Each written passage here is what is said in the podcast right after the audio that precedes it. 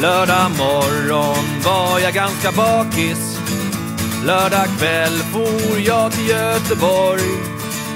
Söndag morgon var änglakören skakis. När vår buss långsamt rulla in på närmsta torg. Äkta fans offrar allt för Gnaget. Äkta fans ger sitt liv för AIK. Äkta fans följer älsklingslaget.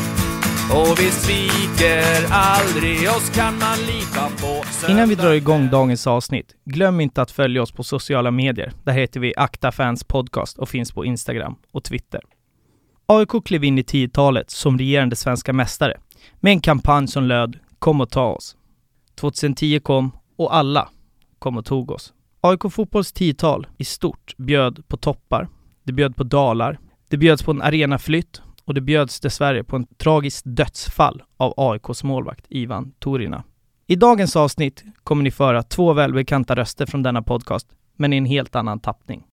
När jag tänker på ordet supporter så tänker jag passion. Jag tänker på villkorslös kärlek och jag tänker att man mår med laget. Går det bra är livet frid och fröjd. Går det dåligt är allt ett världsligt helvete.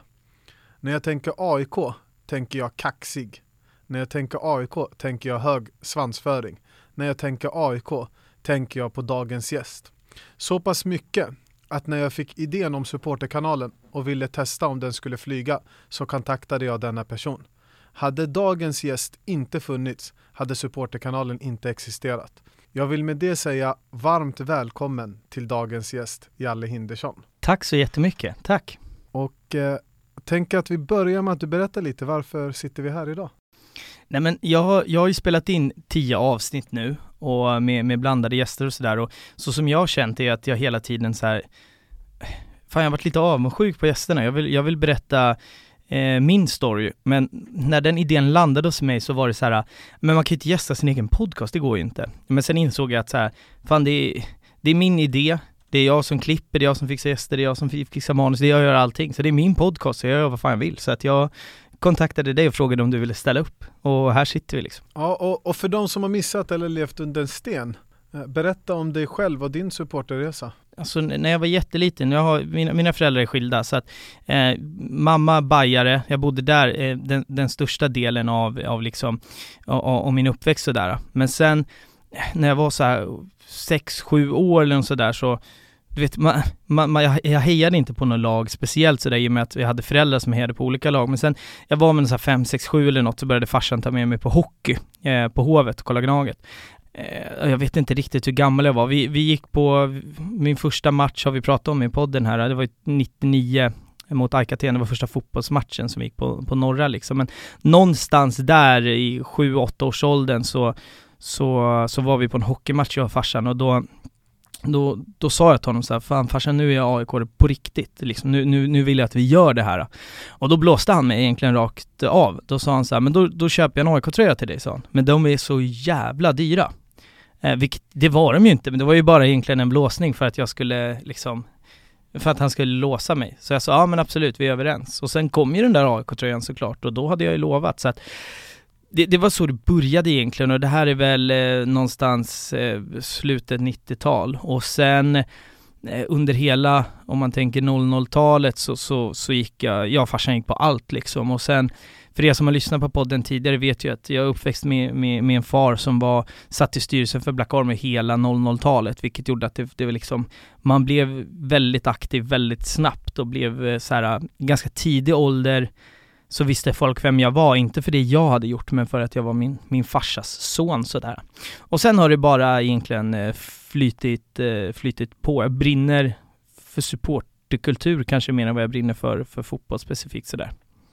Så det är väl, eh, ja, det, det, är min, min supporterresa i kort så. Mm, och vi ska inte fastna allt för länge på det, men jag tycker att det är viktigt i kontexten och det finns ju avsnitt så vill man gå in och lyssna eh, på mer uh, från din pappa så kan man ju gå in och lyssna på tidigare avsnitt. Men jag mm. tänker för din egen del då, du pratar om föräldrarna var skilda. Vad betyder det för dig att att det här var någonting som eh, förenade dig och din far? Allt skulle jag säga. Alltså så här är, är min uppväxt då. Jag bodde varannan helg hos min farsa och kände väl att så här, det var min största idol och, och det han gjorde ville jag göra. Jag, jag gissar på idag att hade han hållit på med, fan vet jag, eh, hästhoppning, då hade jag varit världens hästhoppningsfan idag. Så.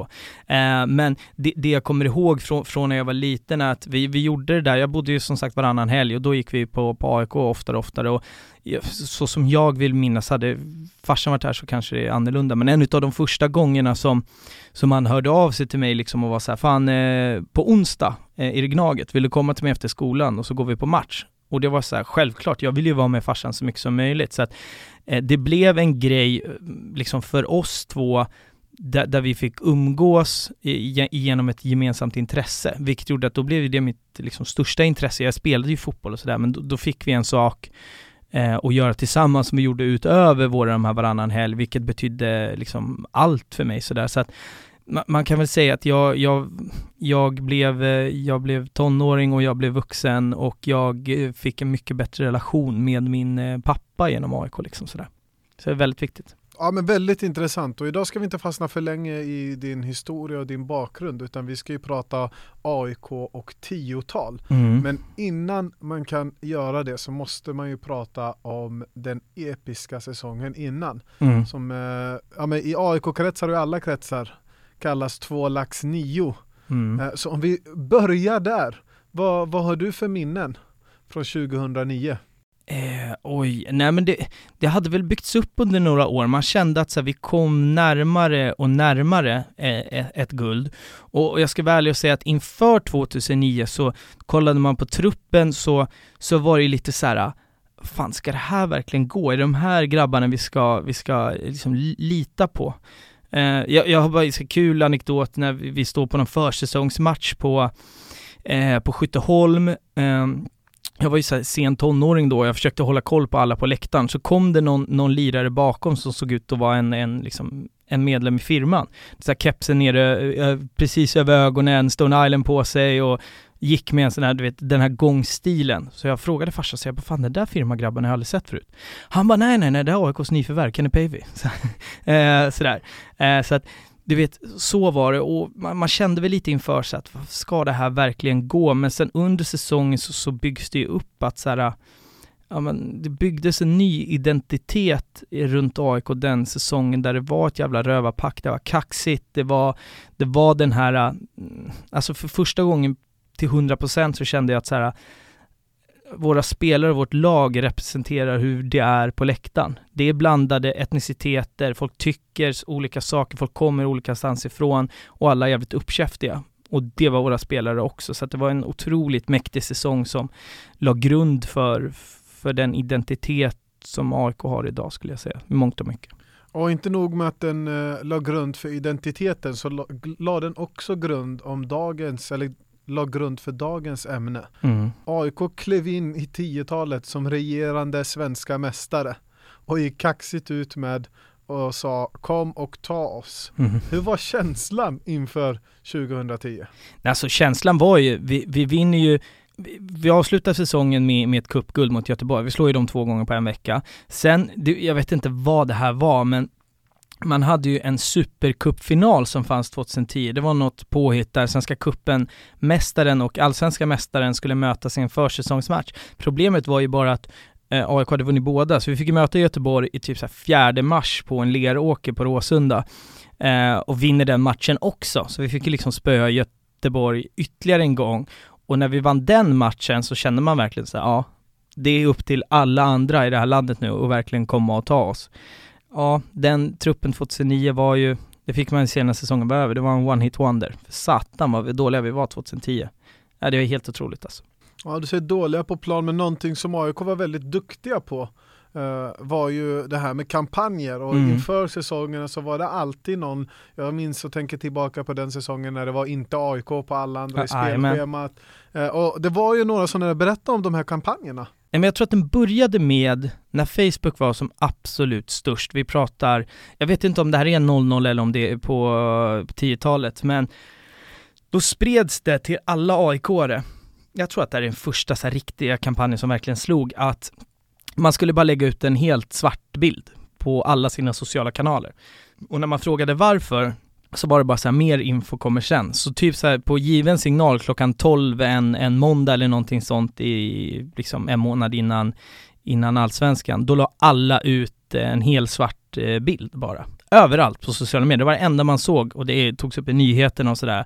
Och ingen förstod vad det var, men det var alla aik som bara ville visa att så här, eh, jag, jag kommer inte riktigt ihåg, men det, det var någon grej sådär, nu, vi skulle bara döda internet med, med svarta bilder liksom.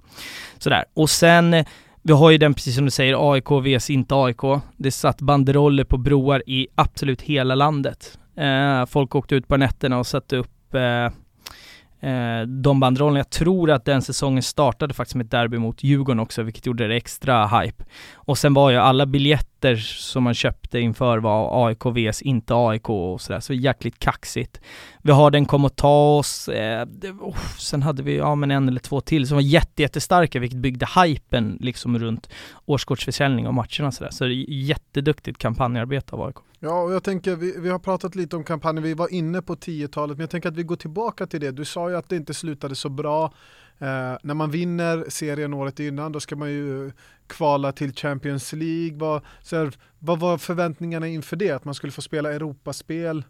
Alltså, då, alltså om man jämför till exempel, alltså när vi vann guld 09 och när man ville guld 18 så eh, 2019 förväntade man sig att man skulle gå ut i Europa, men 2010 så fanns det ju liksom inte så här, vi ska in i Champions League-gruppspel, för att det var, det var liksom ingen som hade gjort det. Alltså, eh, man förväntade sig inte det, det utav svenska lag. Sen när Malmö gjorde det de gjorde på mitten och slutet på, på 10-talet, då blev det ju en större förväntan på att gå till gruppspel. Men jag, jag kommer inte ihåg mig själv att det var så här, nu jävlar, det här, nu ska vi jogga in i ett gruppspel i Champions League. Man hade inte de förväntningarna. Man var ganska van med att åka ut i liksom playoff eller sista kvalmatchen, typ så. Och om vi lämnar 2010 som då, ja, sett till marknadsföringen, skulle vara året alla skulle komma och ta en och som du lite var inne på, alla kom och tog en. ja. eh, så har vi ju ett 2011 då, ja. som är eh, ja, men lite bättre, eller väldigt mycket bättre skulle jag vilja säga. Vad minns du? Minns du något från den säsongen? Oh. Nej, det där känns som, alltså det händer så mycket när, när jag tittar tillbaka på, på de här åren, så 2010 är vi tvär, alltså klappkassa. 2012 och 2013 händer så jäkla mycket, så 2011 i mitt minne är typ ett mellanår, men jag har för mig att vi byggde om typ hela truppen, rensade ut och, och byggde, byggde nytt, men oh, vad hände 2011? Nej, jag kan inte komma Slut, ihåg. Det. Sluta tvåa, uh, man ska kvala till Nej, alltså nu, nu, nu, när jag sitter här, nu inser jag hur svårt det är att vara, vara gäst när man bara kastar upp ett årtal i nyllet för folk. Jag, fakt, faktiskt så, 2011 är ganska blankt för mig sådär.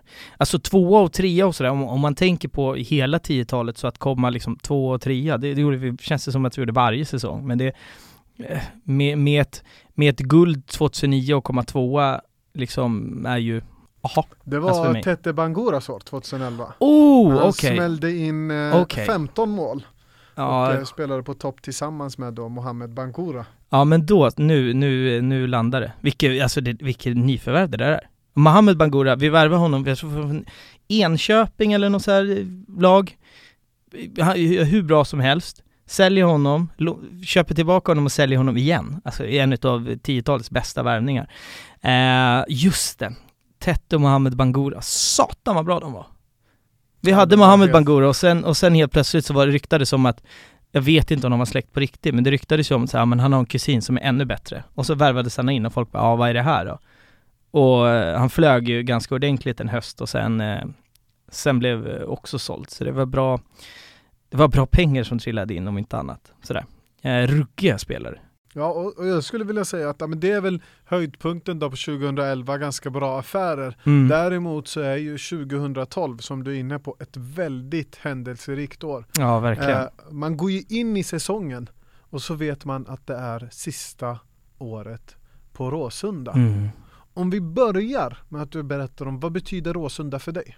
Alltså, Råsunda för mig, alltså jag börjar rysa nu bara när, när jag får frågan, det är lite som jag var inne på tidigare, det är där jag har, det är där jag har blivit eh, vuxen, det är där jag känner att det var där jag gick från att vara en pojke till en man, det är där jag har lärt mig och eh, hela min, alltså jag skulle säga att, så att största delen i min identitet och vem jag är, eh, lär jag mig på de åren på, på Råsunda. Eh, det, hela den här, eh, så, som du och jag känner varandra, du vet att jag har en hög svansföring, den här kaxigheten, allt det lärde jag mig på, på, på Norra ståplats på Råsunda. Det är också där som eh, som jag får en betydligt bättre relation med min pappa. Så, så Råsunda betydde, ja men, eh, allt för mig. Jag, jag har tatuerat in RIP Råsunda på, på rebenet eh, för att när, det gjorde jag samma dag som sista matchen faktiskt. Eh, för att jag, jag, kommer liksom aldrig glömma den här platsen. Det är en magisk plats som, som jag är så otroligt glad att min pappa tog med mig till. Att vi fick uppleva det tillsammans sådär. Så att där, Råsunda betydde allt, vilka minnen. Men hur är det nu när man så här, går förbi området, går i de trakterna, den nya arenan, även om den inte är supernära, så, så ja, men det, man skulle kunna säga ett stenkast ifrån. Mm. Det, det är ju ändå i samma område. Hur är det att, att, gå till Friends kontra Råsunda? Det har ju varit massa år nu. Kan du känna dig lika hemma på Friends nu?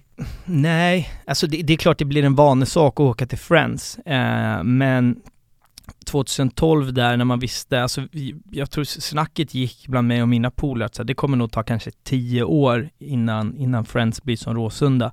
Nu har det gått sju år, eller sex år när man har fått vara där.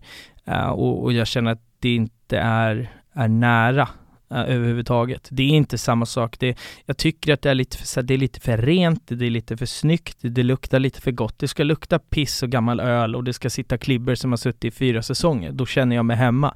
Då är det våran liksom sådär. Uh, så att nej, det är inte samma, samma sak. Eh, verkligen inte. Det kan jag inte säga och jag vet inte om det någonsin eh, kommer bli det. Sen har ju, det är klart, Friends har sina fördelar, alltså så, det är en modern, det är en snygg arena.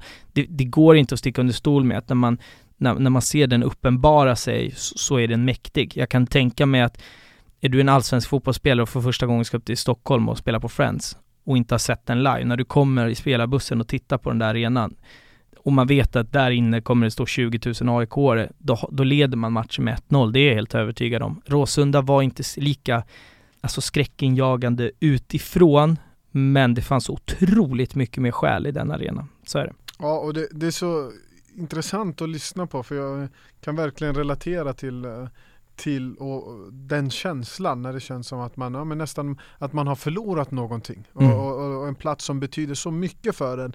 2012 eh, i övrigt i Allsvenskan inte jättemycket att berätta om. Eh, Nej. Man slutar på en uh, fjärde plats. Däremot så blir det ju speciellt när man vet att man ska flytta ut och man har ett sista derby på Råsunda mm. mot antagonisten, ärkerivalen Djurgårdens IF. Mm. Kommer du ihåg det derbyt? Ja, det gör jag. Det tifot är, alltså jag kan få rysningar när jag tittar på det än idag.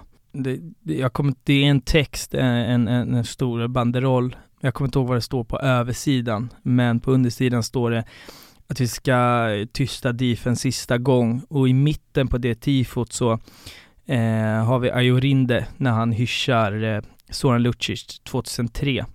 Och det, ja, det var en super, super mäktig match. Och som jag kommer ihåg så gjorde Djurgårdarna också en, en jäkla liksom ansträngning. För att oavsett hur mycket de liksom, alltså, pissar på AIK och Råsunda så, så var det ju det var ju trots allt mycket minnen som skulle försvinna åt sista derby. Och det hade varit ganska skönt för dem att kliva därifrån och vinna det sista derbyt på Råsunda. Men ja, de, man kan ju lugnt säga att de var inte nära.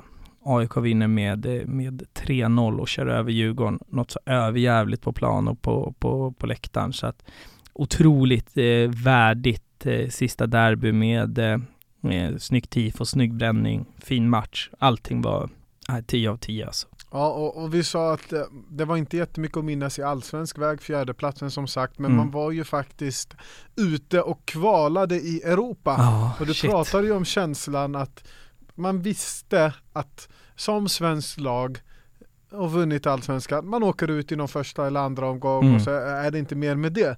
Men den här gången, då åker man ut till eh, Moskva. Miraklet i Moskva.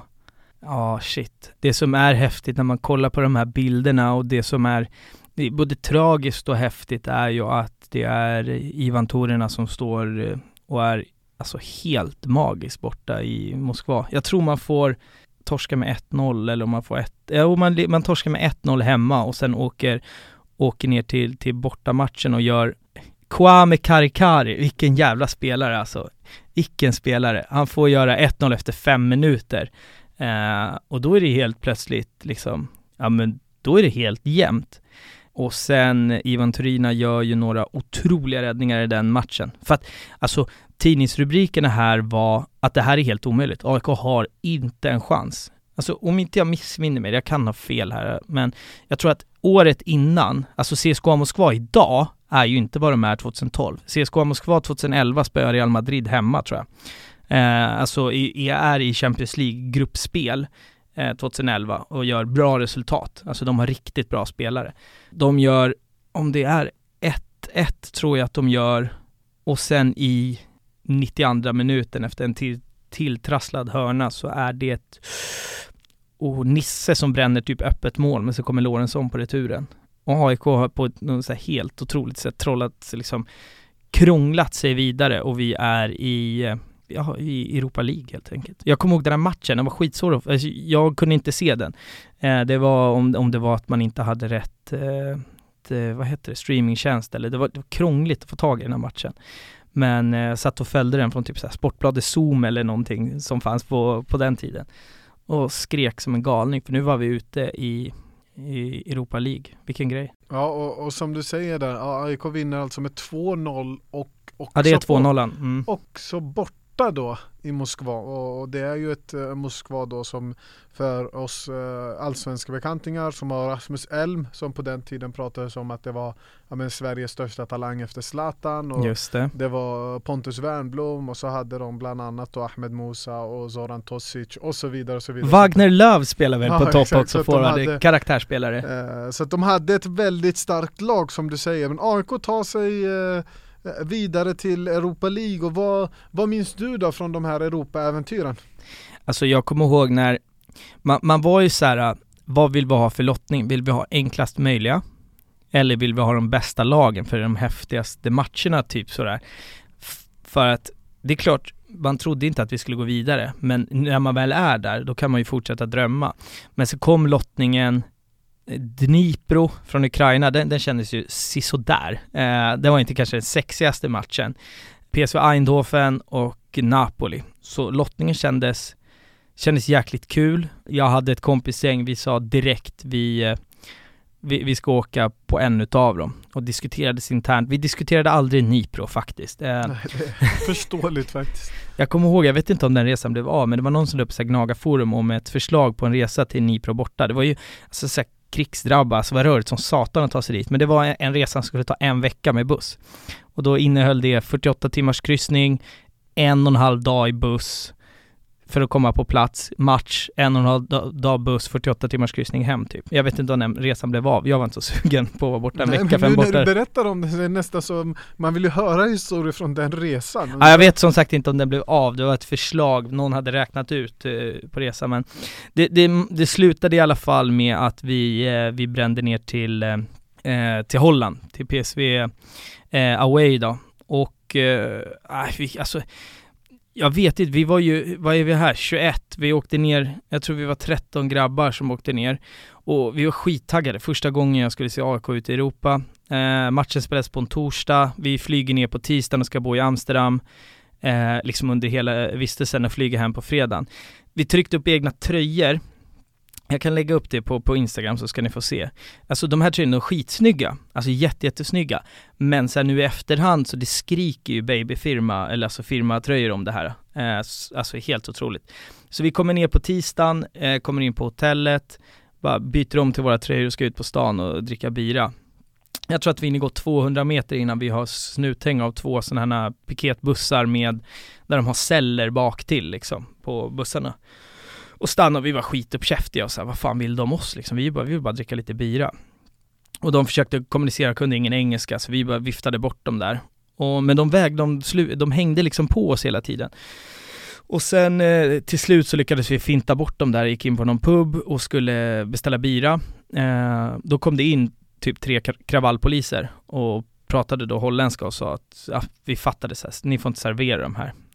Så efter mycket om och men, då, då sitter vi i alla fall på en restaurang, vi beställer in lite käk och en bira. Och då har de en TV, det är som en sportbar vi sitter på, och då ser vi på deras nyheter att eh, de filmar, alltså typ en gata med 2-3 tusen City-fans, då är det City Ajax på kvällen i Champions League.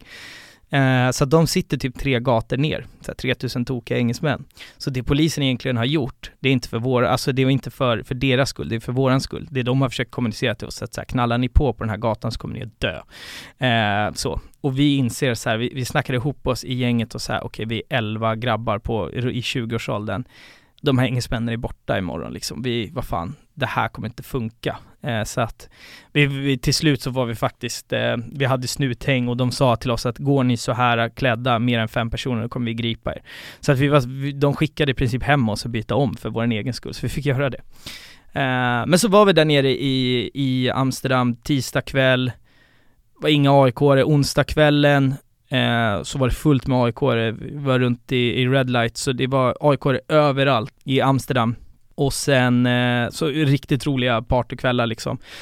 Torsdag, eh, pendeltåg från, eh, ja ni som lyssnar, förra veckan pratade vi om eh, eh med Jige där om att han åkte de här dubbeldäckartågen eh, till Utrecht. Vi åkte samma tåg förbi Utrecht ner till, till Eindhoven då. Eh, fantastisk dag, oh, vi fick ett liksom main-torget i Eindhoven och verkligen tog över den stan. De hade väl sålt 1600 biljetter, jag tror vi var 4000 AIK eller någonting där nere. Eh, fantastisk dag. Vi hade faktiskt en, eh, eh, en kille i våran, i våran klick som var där, han missade matchen, han hamnade i, i tjafs med just de här engelsmännen kvällen innan, så han, han blev av med pass, han blev spöad och rånad, så att han missade matchen, han låg på sjukhus. Det var en riktigt stökig resa. Matchen eh, blir av, de visste inte vad de skulle göra för att det, de hade 1600 platser utanför så ställde sig typ 3500 i kö, eller 3000 eh, i kö för att ta sig in på matchen. Så de visste inte riktigt vad de skulle göra, så de fick faktiskt öppna upp en till sektion på arenan på andra sidan från där vi stod för att de, de ville inte ha 1500 AIK på stan, det hade blivit för stökigt sådär. Då fick man stå i de här klassiska plexiburarna, helt inglasad och eh, faktiskt på med typ 1600 man tog över eh, och ägde läktarna, det är en ruggig läktarprestation. Man stod högst upp i en hörn i en plexibur och bara körde. Skithäftig upplevelse faktiskt. Det, det som hände mig, ja nu blir det en jävla lång historia, men det som hände mig i alla fall härifrån är att jag tappade mina poler på vägen ut. De stängde in oss, några hjältar från, jag tror att det var firman, som eh, bara bände upp ett så jalusi och släppte ut oss. Jag tappade alla polare. Eh, och frågar polisen så här, hur tar vi oss hem? Det skulle gå att abonnera tåg tillbaka till Amsterdam, fattar inte. Kommer tillbaka till det här torget, mina polare är borta, frågar polisen vart är det här tåget som ska gå till Amsterdam? Och de förklarar att nej men det gick för 20 minuter sedan bort ifrån arenan.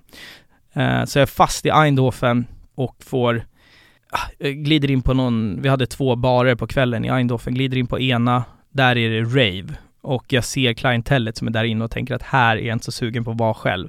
Glider in på den andra baren, träffar några från Dalagnagarna som jag fick eh, dricka bira med, sova på deras hotellrumsgolv för att sen åka hem till, eh, åka hem, jag tror tåget gick så halv sju på morgonen eller någonting. Så jag kom hem klockan åtta morgonen i hotellet till mina polare som låg och sov. De hade inte ens reflekterat över att jag var borta. Nej, så brukar det vara. Det är ju det här med bortaresorna, det är så intressant att lyssna, därför ja, sitter jag shit. inte och avbryter här. Men så här, kan du berätta för någon som då sitter och säkert funderar på och inte riktigt varit med på någon, dels någon Europaresa, vad, för det är ju väldigt man måste ju vara extremt inbiten ja. Eh, för att ta sig utomlands och vara med på, på matcher där borta. Det är ju inte samma sak som att traska till Friends. Men vad, vad skulle du säga, vad är den största skillnaden på att få vara med på ett Europaäventyr då? Nej men den största skillnaden är väl att de som är där, de som är liksom marginalsupporten är ju inte där utan eh, det, det känns konstigt att komma och stå i ett annat land dagen innan match och känna igen varenda kotte. Alltså i, i Red Light District dagen innan match. Det är jättekonstigt. Men det är ju de kända nyllorna från, från liksom matcherna som är där. Och sen är det ju en, en känsla, det är lite samma känsla som att gå på bortaderby. Eller att man kommer till en annan stad. Man vet så här, för lokalbefolkningen tycker, de är så jävla trötta på att ha fotbollssupportrar där. Man kommer in och äh, man känner sig liksom en jävligt stor och stark, man är en stor grupp människor och man tar verkligen över stan. Eh, och det är en otroligt häftig, häftig känsla där man har Alltså har man hög svansföring här hemma så går det inte att jämföra med hur man har ute i Europa liksom.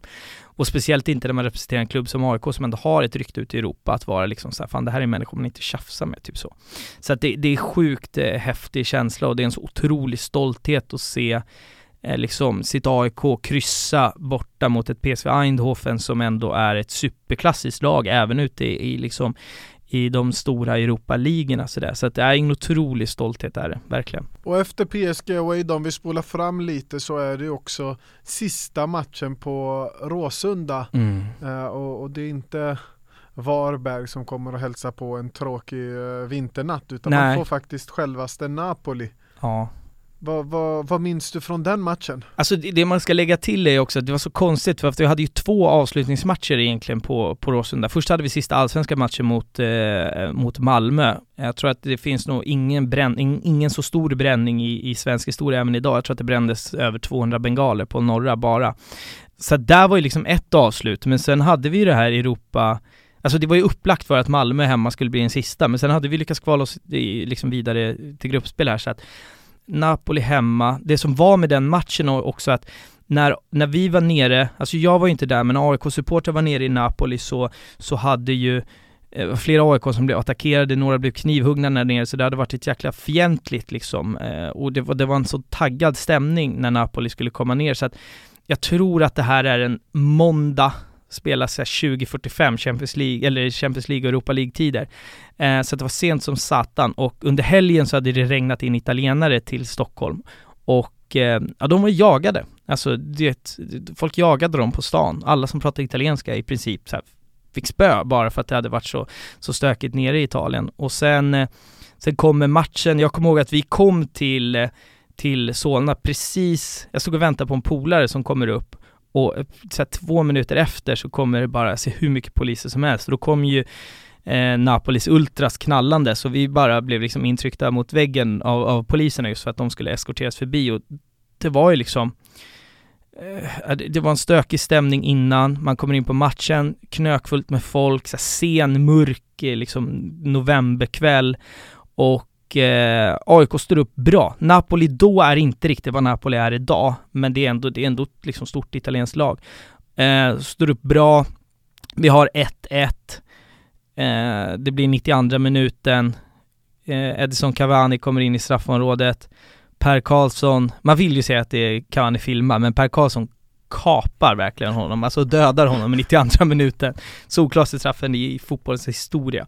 Och Cavani får göra mål och hyscha faktiskt mot publiken då, då var det rörigt alltså. Men sen, ingen brydde sig riktigt. Alltså vi skulle ändå inte gå vidare från gruppen och när han gör det målet domaren blåser av så var det bara, folk bara stod kvar, ingen gick, det var helt knäpptyst och folk bara stod och, ja men det var som att vara på en begravning ungefär. Jätte, jätte, jätte konstig stämning liksom. Alltså vi fick ett mål mot oss på övertid, ingen brydde sig, alla bara var liksom tagna av, av, av stunden sådär. Eh, mäktig känsla, eh, deppig känsla. Det var, det var jättekonstigt faktiskt, men en mäktig match att, att vara på onekligen. Ja, kan jag förstå och sen uh, man tror att 2012 ska vara det mest händelserika året och så kommer vi in i 2013 mm. och då blir det ja, men den första matchen och första gången som man går på fotbollsmatch på Friends istället. Mm. Vi var lite inne på det, men om du pratar om, om du försöker minnas tillbaka till den dagen och så pratar mm. du om hur kändes det att för första gången inte åka till eh, Råsunda, kändes det att kliva in på Friends? Eh, och sen ska vi prata om första matchen, men mm. bara tankarna innan. Nej. uh. Nej men det, det, det, kändes ju annorlunda, alltså det kändes jätte, jättekonstigt för att man var ju så van med spelarbussmottagningen och, och allt sånt där. Eh, så, så att det var ju en, så här, det var en jättekonstig känsla Eh, så det hade ju diskuterats jättemycket i och med att jag tror Sverige hade premiärmatchen där mot mot England va? Det är när Zlatan gör fyra, är det inte den matchen? Ja. Eh, och uh, så att, så att arenan, det var inte vi som var där först men det hade ju pratat så mycket om att akustiken var så jäkla dålig, att det var en pissig arena så att det var en sån taggning, man visste att det kommer vara cirkus 50 000, de skulle ju inte öppna tredje etagen men de gjorde det för det var så tryck på biljetterna och sådär så att eh, det kändes jätte, jätte, jätte konstigt. det AIK tyckte jag gjorde helt fantastiskt för att knyta ihop säcken med, med flytten var att man körde spelarbussmottagningen precis som vanligt på samma ställe som man har gjort under alla år utanför Råsunda för att sen en gemensam marsch från Råsunda till Friends, eh, vilket var alltså så här, sjukt genomtänkt för att eh, men om jag får till det här, nu flyttar vi och vi gör gemensamt. Så att det var ju från Råsunda till Friends var det väl en 10-15 tusen pers som knallade gemensamt, vilket var jättemäktigt. De möttes ju av ja men bengaler från Råsunda hela vägen bort till Friends liksom. Så att äh, det, det, man skötte det så bra som man kunde liksom, men det är klart det var jobbigt. Ja, och, och på, på tal om jobbigt då, mm. så är det väl jag skulle säga att den andra maj 2013 så händer eh, något väldigt hemskt och tragiskt. Eh, Ivan Turna somnar in för gott. Ja. Eh, det är match mot Göteborg tre dagar senare. Men det här är någonting som fortfarande än idag det har inte riktigt försvunnit, det har satt sig, det är någonting som Och där också, det är det jag tycker är så fint med supporterskap Där försvinner all rivalitet uh, mm. och, och, och, försvinner all den här, man visar, man, men den sorgen, om man går in i någon form av sorg, om vi börjar i den delen, så här, hur, hur var det för dig när du mottog det beskedet? Jag, så jag kommer exakt ihåg vart jag, vart jag satt, jag satt på pendeltåget på väg till jobbet, eh, sitter och pillar på min telefon och får ett pling från Aftonbladet och eh, om det här. Och jag tänkte det kan inte vara sant och går in och kollar och så tänker jag nej, det, det, jag bara avslog det för jag kunde inte ta in det. Och sen plingade det ju liksom, jag fick notiser, pushnotiser från egentligen alla, alltså överallt, polare började skriva och sådär och i gruppchattar och, och sen landade det och jag vet att jag bara så stängde av musiken, la ner telefonen och bara satt och stirrade ut, alltså ut tomma intet. Det kändes så jäkla overkligt. Jag som person, jag, jag har jag hade liksom aldrig riktigt handskats med, med, med alltså det är lite svårt att handskas med, med liksom döden, det, det är ju så existentiella frågor så att äh, det var, det var skittufft och jag vet att man, jag satt där och bara så här, man hela dagen, man bara gick och var helt, helt tom och jag visste inte vad jag skulle ta vägen. Jag ringde min farsa och bara, vad, men alltså äh, äh, jag vet inte, det är så svårt att beskriva och jag tror att det där är så individuellt också men det var mest en, mest en, alltså en, en tomhet och man, jag trodde liksom inte på det. Jag kunde inte säga, nej men jag fick inte in det i huvudet. Det, alltså den dagen. Jag kunde, det, det, nej men det är match om tre dagar, han kommer stå då också. Det var verkligen den, den känslan och jag tror för mig så blev det verkligt, ordentligt verkligt när jag, alltså när jag kom till eh, Göteborgsmatchen. Det var då som det blev, ja men verkligt på riktigt sådär. Eh, var en väldigt, väldigt fin man, man, bestämde sig, jag tror att man ska, alla skulle vara där en timme, timme innan match. Uh, och sen, sen hade man ju gått ut med att ta med blommor och, och sådär, så att precis nedanför norra, när man kom in då på matchen så här, 45, en timme innan matchstart så, så fick alla då, gick man längst, längst ner eh, och du har ju ett litet mellanrum mellan liksom eh, läktaren och och, planen och där gick man ner, jag hade en ros med mig, kasta och sen fick man liksom, det var ungefär som att gå på begravning, man får, får gå fram till kistan och, och säga liksom eh, ett sista farväl sådär. Så att mm, återigen, AIK gjorde det man kunde och styrde upp det fint. Men det var ju så overkligt, så här, match nu, alltså det var jätte, jättekonstiga, eh, jättekonstig konstig känsla inför. Det var ett otroligt mäktigt och värdigt tifo. AIK-spelarna och Göteborgsspelarna ställde sig armkrok då eh, framför och sen höll vi en tyst minut. Så det blev jäkligt värdigt eh, ändå, sådär. Ja, det blev, det blev en häftig match liksom i hans ära sådär. Ja, och du, du är ju lite inne på det när du pratar om ja, men hur, eh, hur det blev en tyst minut och vad, vad, skulle du säga där och då? Jag är ju av den bestämda uppfattningen att det finns vissa händelser mm. som gör någonting med fotbollsfans. Ja. Eh, och som gör att man ja, lite raderar ut lagsympatier, mm. eh, alla enas och det är en av de finaste krafterna mm. inom fotbollen, den mm. kanske mest förenade kraften. Vad skulle, skulle du säga att ja, det jag säger är påhittat? Eller Nej, så? verkligen inte. Alltså det, det som man fick, alltså den, den stöttning man fick. Jag vet att, jag tror att det är dagen innan AIK spelar mot Göteborg som, eh, som Hammarby spelar typ mot Norrköping eller någonting och spelet i deras match avbryts i i 26 eller 27 minuten då det blir det ju, eh, när klockan slår på 26 och de avbryter spelet och hela arenan ställer sig upp och applåderar. Eh, otroligt respektfullt, otroligt liksom, eh, men bara hela supporter-Sverige slöt upp och eh, och i ett sånt läge så försvinner all rivalitet, så, så är det ju bara liksom och är otroligt, eh, otroligt mäktigt. Och vi gjorde ju samma i liksom minut 27 kommer ju för alltid vara Ivans liksom och det ekar än idag. Det kommer eka så länge jag går på fotboll. Om jag så ska stå och skrika själv. Sådär. Så att det var eh, otroligt mäktig mäktigt och respektfullt. Jag vet att Bayern har ju, har ju backat upp det där på femårsdagen tror jag, var ett derby så, så ställde sig Bayern upp och applåderade också i 27 minuten. Så att det har varit väldigt, eh, väldigt respektingivande, vilket eh, de ska ha all cred för. Sådär. Ja, men jag, jag håller med och, och jag tänker att vi avrundar och slutar prata om 2013. För jag, jag vill bara, det, det, man ska lägga till om den här matchen dock, jag bara hoppa in i, i, för matchen är jäkligt mäktig. Det som är, det som är udda är att AIK missar två straffar på en minut. Eh, och Göteborg får straff. Men det finns en för folk som följer mig på Instagram och så har garanterat sett den här bilden, den är från den här matchen, när jag pussar Celso Borges på, på huvudet. Det är från den här matchen. Celso Borges gör 2-1, man vänder på den här matchen och, och eh, Celso hoppar upp in i Alltså upp in i, i klacken och landar i princip i famnen på mig. Så det finns rörligt på det. Det ser först ut som jag ska liksom flyga på honom och spöa honom typ.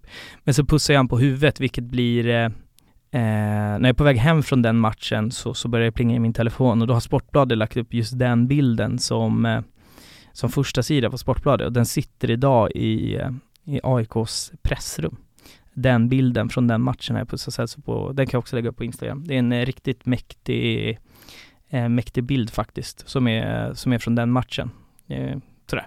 Ja men det tycker jag är fint faktiskt, för jag tänker att vi stänger säsongen 2013 där. Eh, mm. och säger såklart vila i frid Ivan Turina, eh, inte med oss idag men aldrig bortglömd. Precis. Jag tänker att vi introducerar ett eh, segment för er som är nya lyssnare. Först vill vi såklart passa på att säga in och följ oss på Twitter och Instagram. Akta Fans Podcast. Och sen hoppar vi in på fem snabba. Okej, intressant. Och eh, det här är ett segment om det första gången du lyssnar. Jag vet inte hur det skulle kunna vara så, för då har du levt under en sten. Men om det är första gången så ställer jag fem frågor till Jalle och tanken är att det ska bli fem snabba svar om inte jag som programledare då väljer att fråga om han kan elaborera. Mm -hmm. Så jag hoppas att han kan hålla sig här och jag avbryter Jalle om han inte håller sig till reglerna. Yes. Eh, och vi börjar med vill du börja enkelt eller vill du börja lite svårare? Nej men ta enkelt, enkelt. Ja men då säger vi favoritspelare eh, genom alla tider i AIK. Oj, oj, oj, oj, oj. Eh, oj vad svårt. Jag vill nog, eh, oh, jag vill säga Rubart. Det var min första, första kärlek. Så att jag, eh, säger jag säger Rubart. Bra, ska inte få mer tid där. Eh, och och bästa AIK-minne? SM-guldet 2018, få krama pappa på Guldfågel Arena. Bästa bortaresan? Oj, ja det, det måste ju faktiskt bli PSV away i och med att det var en tre dagars. Den är riktigt eh, mäktig alltså. Så den, den spöar fan allt. Annars så, den har vi redan pratat om. Vad har vi mer för, för, eh, för roliga? En, en riktigt kul bortamatch var också eh, när vi åkte till Borås 2009. Eh, när AIK var på väg, när vi gick för, för guldet och eh, efter matchen så stod vi kvar i 45 minuter och sjöng drömmar av guld. Spelarna duschade och kom ut igen och det var en, en otroligt mäktig match. Så att förutom PSV Way så skulle jag säga Elfsborg borta 2009. Ja, om inte AIK, vilket lag hade du hållit på i Allsvenskan? Oh, i Allsvenskan är svårt. Jag har sagt i andra forum, jag är, eh, jag är eh, väldigt förtjust i vad GIF Sundsvall håller på med. Eh, nu är det superettan-lag, men jag tror att, ja, GIF Sundsvall faktiskt. Och slutligen då, om du var tvungen att spendera ett år på en ö med en spelare från dina rivaler, vem hade du då suttit med? Oj, oj, oj, det är en ruggig fråga. Och vi eh, förutsätter här att ni klarar er och ni har allting ah, ja, ja. så du behöver inte Så en AIK, eller en Djurgården eller, eller en Hammarby-spelare? Ja. Uff. shit vad svårt. Oj, oj, oj. Jag är helt tagen på sängen av den här frågan. Ja, oh, eh, jag skulle, ah, ingen från Djurgården i alla fall. Vi får ta någon från, eh, från, från Hammarby då. Bojanic, nej han hade käkat upp all mat tror jag. Ja men jag tror fan, eh, Kaklan Iklic i, i, i, eh, i Hammarby tror jag då. I och med att vi har spelat fotboll mot varandra när vi var små, så vi hade kunnat eh, äh, laja lite boll och prata lite gamla minnen och sådär. Ja, det är en jättebra fråga men skitsvår. Jag tror jag får säga eh, Kakan, faktiskt. Ja men det är bra, jag kommer komma tillbaka till, eh, till det du nämnde precis om att du har spelat fotboll och sådär. Men jag mm tänker att vi sparar det till eh, nästa segment som är rätt eller snett. Men det kommer okay. inte riktigt nu. Eh, utan jag tycker att vi går tillbaka okay. till eh, 2000, men att vi går igenom eh, 10-talet då och ja. landar i 2014. Mm. Det är om man ska kalla den perioden jakten på Malmö och, och mm. nästan slå ihop eh, alla de här åren. För det som händer 2014 det är ju att Malmö FF kvalar in till Champions League. Mm. Och sen avslutar de säsongen på ett speciellt sätt, dit kommer vi. Men jag tänker att vi börjar där, och vi börjar lite innan faktiskt, när Malmö börjar spela matcherna i Europa och ja, men man tar sig igenom första omgången och andra omgången och så tredje omgången och så blir man lottade mot Red Bull Salzburg. Blev, jag minns det här, eh, för då jobbade vi också på samma arbetsplats och det mm. blev en väldigt lång och utdragen diskussion om är det bra för svensk fotboll eller inte? Eh, mm. att Malmö går ut i Europa. Om vi börjar med, vad stod du i den frågan? Vad hade du för känslor när Malmö Alltså det, det svåra, jag tror, i, om man tänker, rivaliteten har ju byggts upp, alltså här 2014, Malmö var bra, men det var inte samma rivalitet för de var inte så överjävligt bra. Idag så finns ju rivaliteten där för att det är de man jagar, för att de är den, den tydliga giganten sådär. Men där och då så var jag så här, jag skiter om det är bra för svensk fotboll. Om det är något lag som ska ut i Europa så är det AIK, resten skiter jag i, typ så. Man får ta den långa vägen om det, om det är så. Så det, det är väl egentligen min, min, min take. Jag vet inte om jag sa samma sak då, det är väl så jag säger idag faktiskt. Ja, och jag önskar att jag hade spelat in för jag kommer faktiskt inte riktigt ihåg. Eh, däremot så är det ju så, inte nog då med att de är kaxiga skåningarna, för om det är några som kan jämföra sig med den här lite dryga, eh, höga svansföringen så är det väl Malmö FF eh, och framförallt under den här perioden då. Ja, verkligen. Eh, och, och, då tar de, dels så kvalar man in till Europa och får in massa miljoner, men jag tror att det som känns ännu mer det är en match i slutet på säsongen på Friends Arena. Ja, just det. Vad händer då? Eh, Malmö kan vinna guld på Friends. Det var jättemycket snack inför den här matchen för att det var så här, vad händer om Malmö tar guld på våran arena? Och supporter, liksom kollektivet var så här, det får inte hända, de firar inte på våran arena, punkt. Och det var ju lite sån stämning inför. Jag lyssnade faktiskt på eh, When We Were Kings här, på, på eh, just som pratade om den här matchen, att det var jätterörigt för att deras supportrar dels var på liksom sektion 3 uppe i hörnan. Så att de fick inte fira och spelarna fick knappt vara, klar, vara kvar på planen. De blev knuffade av planen i princip för att det var sagt inför typ så här, om de försöker fira på våran arena, då klättrar vi in på planen och då blir det ett jävla liv. Så att det, det var skitrörigt och det, det jag kommer ihåg från efter den här matchen var att jag och en polare på väg hem, det är som man går och sparkar i grus och är lite griniga så här. Så kommer vi gående och på den tiden så, så var det ju inte, man kunde inte bara gå rätt genom Mall of Scandinavia, det var ju en jävla byggarbetsplats bara. Så att vi tänker väl att vi tar den här vägen. Liksom, så var vi på väg, vi tänkte gena lite till pendeltåget. Och så kommer vi gående och helt plötsligt så bara hamnar vi mitt bland massa människor som tjoar och kimmar och, och liksom skriker och är jätteglada. Så då fattar vi att de har släppt ut Malmö-supportrar och vi har liksom gått, vi har hunnit före, före polisen innan de slår en järnring runt om, så vi hamnar mitt bland eh, MFFs eh, guldfirande. Och vi har inga AIK-kläder på, så polisen har inte reflekterat över det. Eh, och vi är så jävla griniga och han jag går med är eh, en, en stökig herre, så kan man säga. Så att, eh, och, och, vi bara så vad gör vi nu? Och det bara kommer mer och mer folk så att vi får snällt gå fram till en, en polis och, och bara så här, du, eh, tja. Och direkt när han hör våran eh, dialekt, att vi inte är skåningar, så blir han ju skitnervös. Eh, och vi bara, vart ska vi gå? Så då fick de lotsa ut oss genom den här polisringen så fick vi gå varvet runt och sen när vi liksom kom upp dit där nästan vid ingången till Mall of Scandinavia idag, då var det ju tvärkravaller för eh, folk ville åt Malmösporten. Det var rörigt som satan utanför där. Eh, Rosenberg hade ju hyschat AIK-klacken direkt Tänkte efter. komma till det faktiskt. Eh, det, alltså, där byggdes ju om, om man tyckte illa om honom innan, när han hyschade oss där, då blev ju han ett eh, rejält hatobjekt eh, för alla aik -are.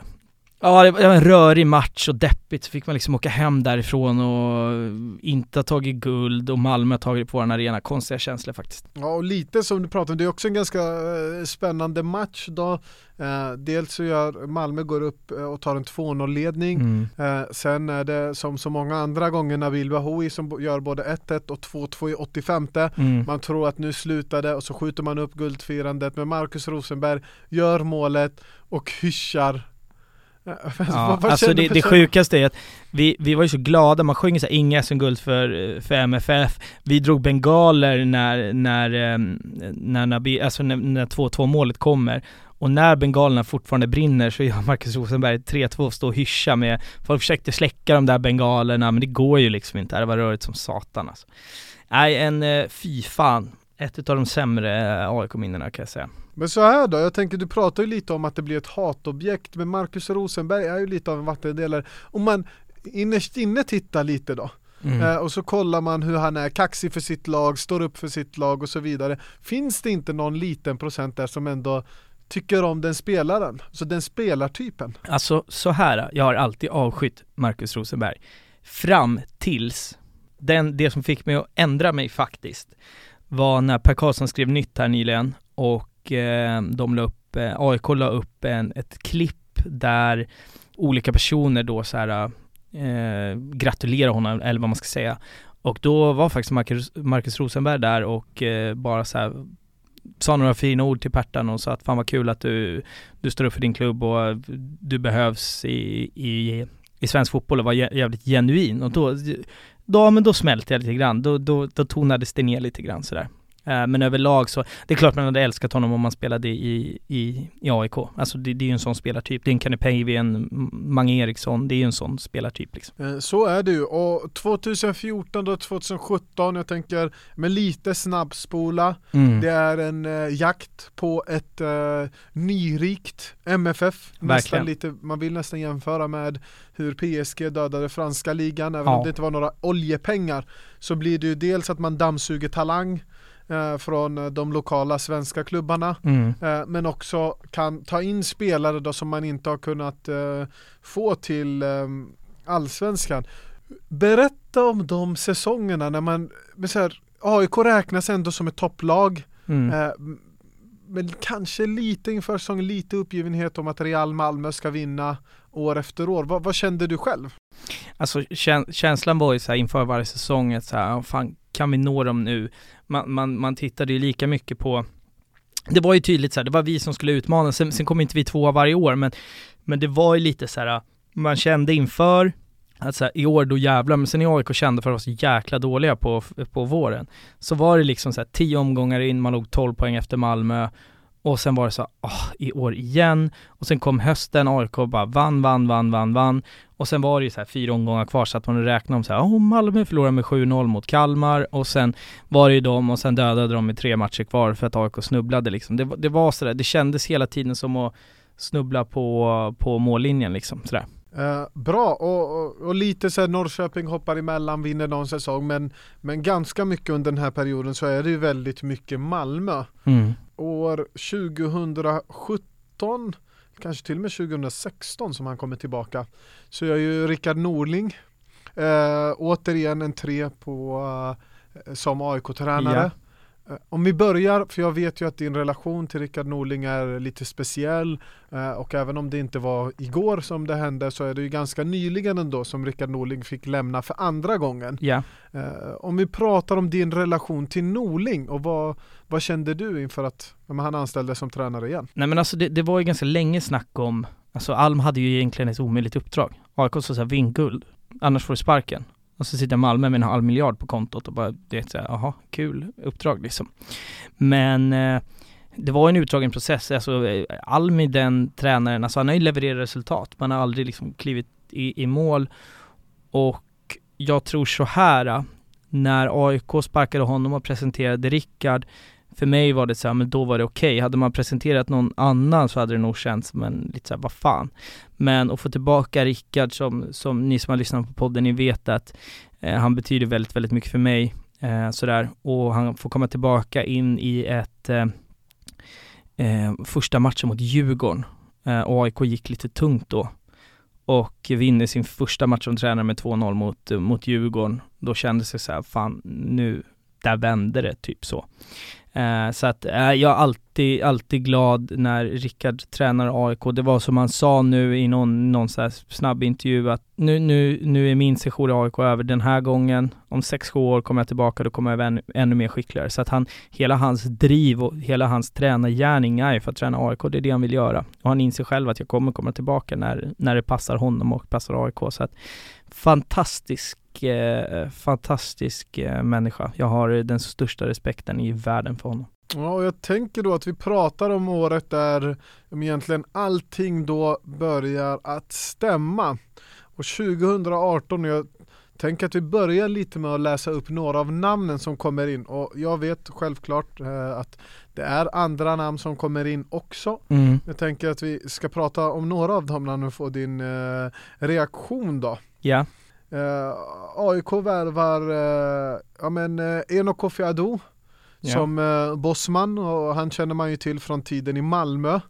Uh, men det som är intressant då det är att det kommer en uh, kille från IK Oddevold i Robin Jansson. Man hittar, ja längst in i frysboxen hos Dalkurd hittar man uh, någon snubbe som heter Herardi Rashidi Eh, och eh, man lyckas också knyta till sig en Robert Lundström från eh, Vålerenga. Mm. finns såklart andra namn, men jag tänker så här, när man hör de namnen och, och framförallt det som är intressant är ju att den stora stjärnvärvningen inför den säsongen som jag minns det, det är Joel Ekstrand. Ja, ja, ja. som skulle komma in och bli Sveriges bästa mittback igen och vara så dominant som han var när han spelade i Helsingborg. Vad, vad, vad kände du inför de namnen? Nej men alltså, äh, egentligen var det så här. Rashidi tänkte man så men det är väl, det, det fattade ju ingen, vad, vad, vad, ska vi med han till, typ så. Eh, Lundström var ändå så här, när man, när man gjorde lite efterforskningar så var det så här, men det är det vi behöver, en, en, en kvick eh, ytterback. Men han hade ändå gjort bra, kom, han kom från Norge, hade ändå, ändå gjort det bra. Ado kändes ju, det var ju inte drömvärvning. Det var, då kändes det som såhär, vad kan vi plocka från den här hyllan? För man visste ju att han hade ju liksom han hade ju startat för Malmö mot, så här, mot PSG, mot Real Madrid och man hade kollat han var, han var bra liksom. Så, här. så att eh, det var väl egentligen Rashidi som var, men man trodde ju aldrig han skulle lira. Och sen Robin Jansson tänkte man, ja men han, han får ju lira liksom, han får vara sjunde mittback typ sådär. Man trodde, jag trodde inte han skulle få en minut och det var ju, det var ju surret i AIK-kretsen. Ja men han får 20 minuter på hela säsongen. Ja, och, och sen måste vi såklart nämna, och du får ju jättegärna prata eh, om deras betydelse, och en av dem kommer vi tillbaka till lite senare när vi summerar det här året. Du får ju också in, eh, eller AIK får in Alexander Milosevic, mm. eh, man får in eh, Tarik Elionussi och man får in eh, Sebastian Larsson. Uh, vad, vad, säger du när man läser upp? AIK gör ju sig kända för att lite då och då så spenderar man uh, och får in så här med facit i hand då, när du har hört alla namn som vi har läst upp nu. Men det, det kändes ju som att det, det, som man hade känt tidigare under de här mellanåren 14-17, det har varit såhär, vad fan, ska vi inte bara gå för det? Ska vi inte bara liksom, nu, nu går vi för det. Och det kände man att man gjorde här. Alltså plocka hem Sebastian Larsson, eh, Milosevic in som i, i liksom in som eh, mittback som är så mycket AIK med, med allt vad det innebär. Och, och alltså, det, det kändes bara så här, nu jävlar. Det, det, var den, det var den känslan som, som, som fanns. Att nu har vi liksom äntligen gått från, eller går, går vi före. Tarik var ju så här alla sa på typ Twitter, ja men han är skitbra, men hur bra är han egentligen? Men det var ju ändå så här, ja men det var en profilvärvning också, så att det var många namn, ett otroligt, alltså det är väl två fönster, det var väl vintern och, och sommaren som man kände så att istället för att sälja våran bästa spelare under sommaren och man känner att man sålt guldet så som man gjort under så otroligt många gånger under, under liksom min supporterresa så känner man att man istället ja men nu värvar man in förstärkte för, för att gå för det. Så att, eh, nej, äh, det, det började ju bubbla då liksom. När Sebastian Larsson, när det presenterades då, så här, då började det bubbla ordentligt kan jag tala om. Ja, och du säger att det börjar bubbla ordentligt. Jag tänker att vi spolar fram 29 oktober år 2018 Matchstart 19.00 AIK Malmö FF mm. eh, Jakten når, ja men kulmen på jakten då men Ja. Det är nu man har chans att sätta eh, press och framförallt så behöver AIK ha med sig minst ett kryss för att vara i förarsätet. Ja. Christiansen gör 1-0 i 44 minuten. Sen tickar klockan. Ja det var bara så här, kom igen, kom igen, kom igen, kom igen, kom igen. Och så är vi i 90 minuten. AIK får en frispark. Det är väl typ 96 va? Ja exakt, men det tar lång tid ja. innan den tas. Så det är mycket kalabalik, det är så. Ja men 96 minuten, då kliver Sebastian Larsson fram. Och här vill jag att du med dina ord berättar vad är det som händer, hur går tankarna, ansatsen, målfirandet, det röda kortet som han sen får. Berätta. Alltså jag, jag kan säga så här, den matchen, jag är inte, jag är inte religiös överhuvudtaget, men när, när han lägger upp bollen, då bad jag till alla gudar jag kunde komma på samtidigt. På 20 sekunder så hade jag bett av det här. Alltså för att det var ju därför, det var exakt, exakt det här läget, det var därför AIK hade plockat hem honom. En, en bra högerdoja, kliva fram i de stora matcherna, nu ligger bollen uppeggad, bra frisparksläge mot största liksom rivalen, eh, fotbollsmässigt i alla fall. Och, och det är liksom så här, men det här är varför du får lön. Det, det var som att det var uppgjort för, för, för det här eh, läget och när han träffar bollen, det enda jag kan liksom så här, då går vi tillbaka 20 år i tiden. Jag kommer ihåg när Nebbo träffar bollen mot Aika Ten på Råsunda, jag är åtta år gammal. Den, det kändes som att bollen är i rörelse i fyra och en halv minut. Den är ju två sekunder, men just hur alla tappar andan när han träffar bollen och hur tyst det blir explosionen efter. Det var samma känsla här, det var helt knäpptyst, man träffar bollen och jag står ju så bra linje så jag ser ju skruven på den. Jag ser att den är utanför, utanför och sen curlar den. Som koncentrerar sen... sig innan han kliver fram och skjuter den här frisparken.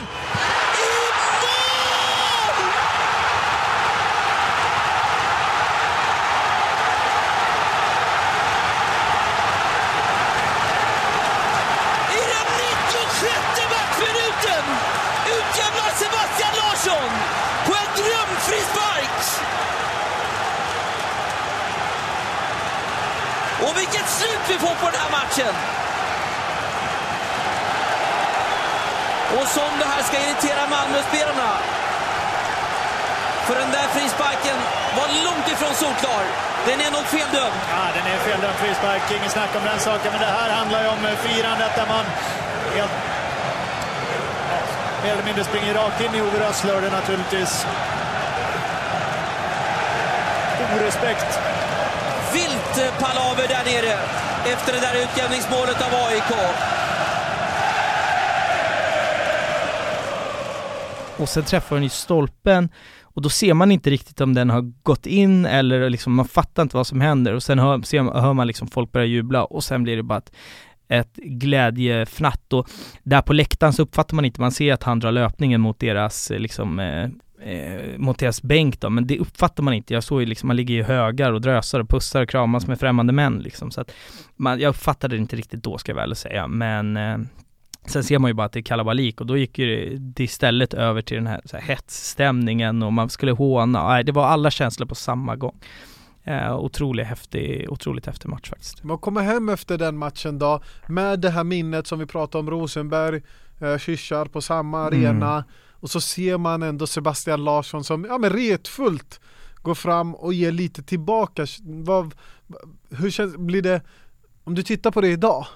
Jo men då, där och då kändes det ju så här nu kanske inte det är rätt, Malmö är fortfarande gigant, de hade fortfarande sin halv miljard på banken, men där och då så kändes det som att nu är det vi som är storebror. Alltså där och då. Och det var så jäkla skönt efter att man har Alltså jag vill ju hävda att så här, supportermässigt att AIK är, är större än Malmö, det hävdar jag bestämt. Men fotbollsmässigt så hade vi varit lillebror i några år. Och nu känns det som så här, nu är det vi som är herren på täppan sådär. Vilket, även fast det bara blev 1-1.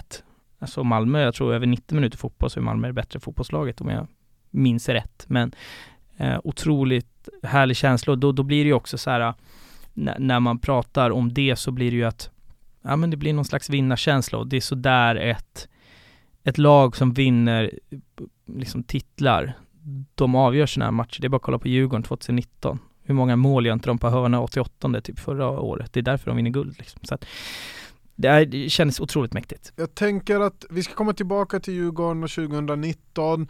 Eh, AIK går efter matchen mot eh, Malmö, vinner 2-1 borta mot Östersund. Mest anmärkningsvärda där är ju att Ado Eh, tar ett rött kort i fjärde minuten. Just det. Eh, vet inte riktigt, kommer ihåg att jag tittade på den matchen och tänkte, Han stämplar någon på låret efter ja, två minuter tror jag. Hur kan man göra det i en så viktig match? Men det spelar ingen roll, AIK löser det. Mm. Eh, sen ska det bli guldfirande på Friends Arena. Mm. Tänker man, för då ska man ta emot GIF Sundsvall.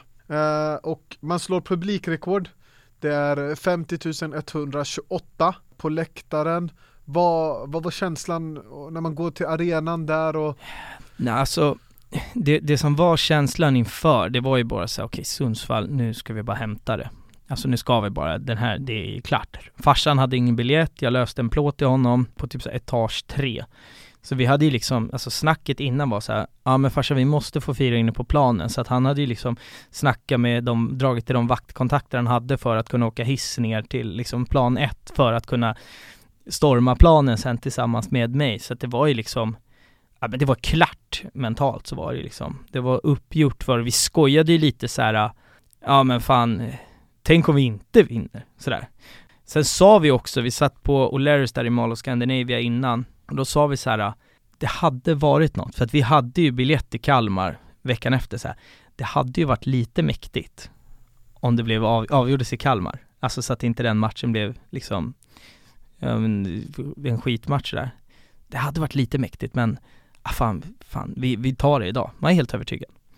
Och ah, det man kommer ihåg där från den matchen, mitt starkaste minne är väl att, ja, dels var det ganska mäktigt då, eller det var väldigt mäktigt av 50 000 eh, och liksom bara AIK där inne. Senast man fick uppleva det, där det var alla här på samma klubb var ju ja, premiärmatchen 2013, då var det också så 49 och 2 mot Syrianska.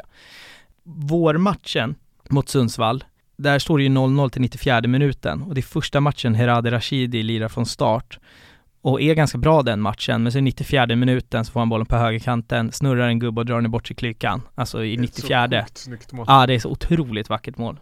Där blev ju han en utav, liksom, det var ju min gubbe då alltså. Och sen 91 minuten i den här matchen, det står 0-0, AIK har bara bombarderat eh, Sundsvall, de har ju någon keeper, om det var Eskelinen kanske, ja, eh, sjukt bra målvakt i alla fall. 91 minuten, Heradi får bollen, peggar upp den, vänster slägga, den ska vara upp i taket, i mål, in i straffområdet.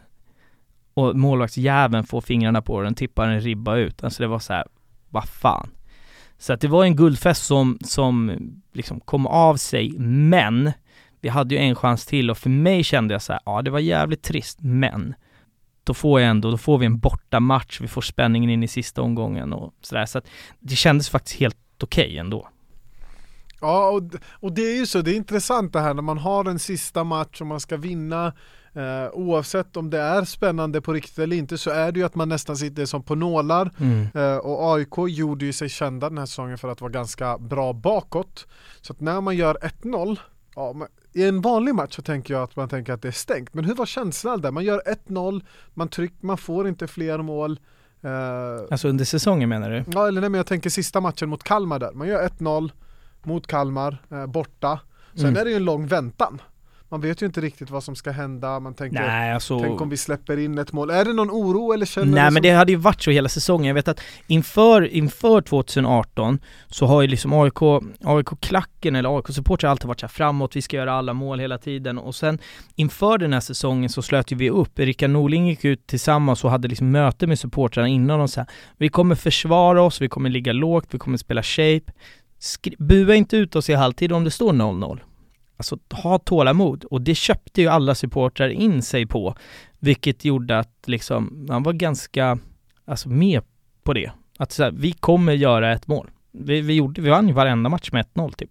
Och sen hade man Avdic som byttes in vid en, typ 10 kvar. Då visste man att när han byts in, då, då är det klart. Det var alltså, då kan du, alltså, när han byttes in med 10-15 minuter kvar, då hade motståndaren lika gärna kunnat gått hem. För att då, det, jag tror inte, under de minuterna han spelade, så tror inte, jag tror AIK släppte in ett mål på hela säsongen när han spelade. Han spelade i snitt en kvart liksom varje match. Så att, ja, då var det stängt. Ja, och, och eftersom det var stängt så betyder det att man vinner SM-guld. Mm. Norling får ta det där efterlängtade SM-guldet. Vad, vad är känslan?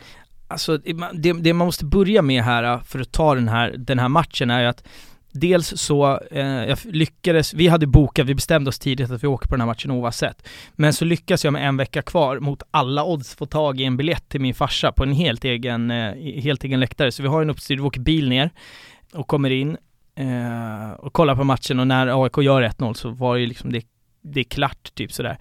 Eh, sen, sen, hoppar vi ner eh, och ska, står bredvid planen, slutsignalen går det som händer är lite kul faktiskt. Det händer mycket här efter slutsignalen. Först, först så, jag tänker jag ser, jag står närmast Milosevic. Jag börjar ska hans tröja, skiter i. Jag vet att jag är snabb. Det regnade ju här och blöt gräsmatta man har sneakers på sig. Så jag sätter full fart in och ligger alltså, jag, jag är en av de första, jag kommer nå han först. Eh, men jag inser att jag vill inte springa in när han är 100 blås, så att jag, eh, jag försöker bromsa och slå på arslet, alltså jag ramlar ordentligt.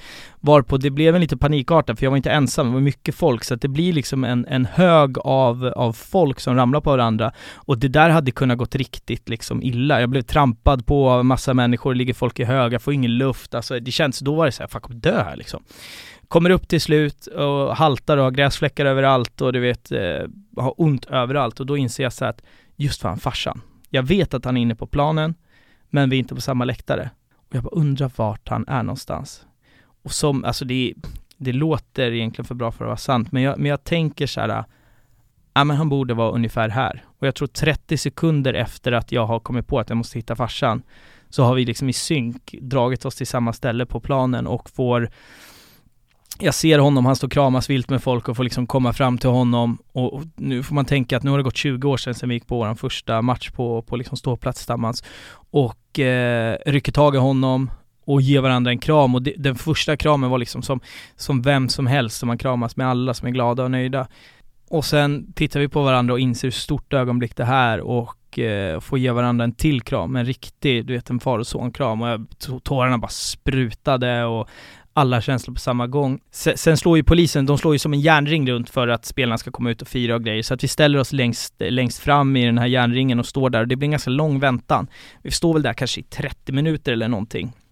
Och det är så, det är så mycket känslor som, som släpper och det var så fint att stå med farsan så när, när jag ser Henok komma in, alltså de som står ju uppe på läktaren liksom, alla, alla supportrar står nere.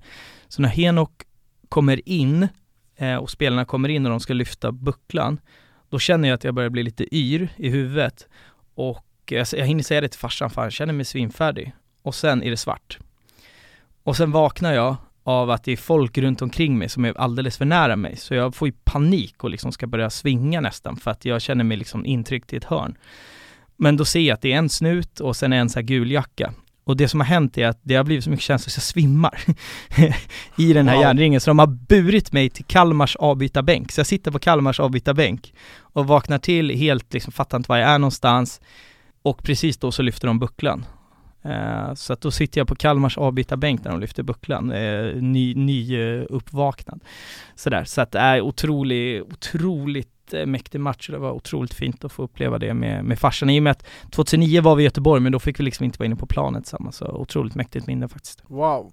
Uh, finns faktiskt inte ett annat ord att beskriva det med utan wow, wow, wow. Och jag undrar verkligen att alla uh, ska få den känslan och få uppleva något sånt. Mm. Uh, kanske framförallt alla Hammarbyare då. Nej, jag skojar bara. Bra. Jag tänker att vi ska spola fram lite Okay. Eh, och eh, prata om säsongstarten 2019. Mm -hmm. eh, jag kommer ihåg det som igår, du får ett meddelande från mig på Snapchat. Mm. Eh, ganska halvotydligt, jag försöker skriva alla, samla alla tankar eh, ja, men i en eh, snap då. Mm. Och, och jag vet att jag tänker Kommer han ens förstå och försöka säga, men om du tittar på AFTV där på Youtube så kan det säkert bli jättebra eh, Och jag ska vara helt ärlig med att säga att jag skickar det meddelandet och så säger jag till mig själv Mm. Tycker Jalle att det här är en bra idé? Då kommer jag köra på det Mm. Skulle Jalle säga att det här är dåligt, eller det här ska jag inte ställa upp på Då har jag noll vägar in i eh, svenska supporterkretsar och jag har ingen som jag riktigt litar på Mm. eh, och starta upp det här med så att då struntar jag i det. Okej, ja. Ehm, s- berätta lite då, vad, vad, vad tänker du när du får det här eh, meddelandet?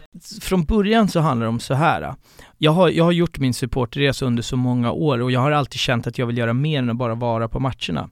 Jag har under egentligen hela 00-talet, även när jag blev liksom så här 19 och även in på tidigt 10-tal så jag, jag har gått på fotboll så jävla länge. Alltså jag har, jag har stått på norra i 20 år, men jag har liksom alltid varit min pappas son, snarare än att vara mig själv. Så att när jag fick det meddelandet, dels så var det en bra idé, men så kände jag så här, fan jag har alltid velat ha ett forum där där jag kan göra någonting mer utöver att bara gå på matcherna. Så att jag tyckte det bara var skitkul och jag gillar att surra och, och prata AIK fotboll. Så att det var så här, "Ja, fan vi, vi, vi kör, vad kan hända liksom? Ja och, och du säger vi kör, det, det blir att ja, men du missar första matchen med Häcken Mm, i andra matchen Eh, Och, och, om vi då tänker, för då går man in, jag tänker att vi ska prata om svansföringen, vi pratade, vi inledde avsnittet med svansföringen eh, år 2010, jag tänker Ja. att vi eh, ska sluta cirkeln här med svansföringen 2019. ja. Du pratar om det är vi som är regerande svenska mästare, jag hoppas nästan att du klipper in lite klipp här när du säger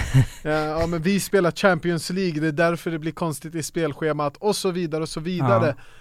Inför den säsongen, ja. vad var känslan? Och med facit i hand, hade du kunnat tro att det skulle sluta så som det slutade? Alltså, alltså känslan inför individuellt var så här. Ja. Nu har vi chansen att knappa in på MFF. Vi hade en otroligt bra trupp. Man märkte tidigt att så här, nu går vi för Champions League-slutspel.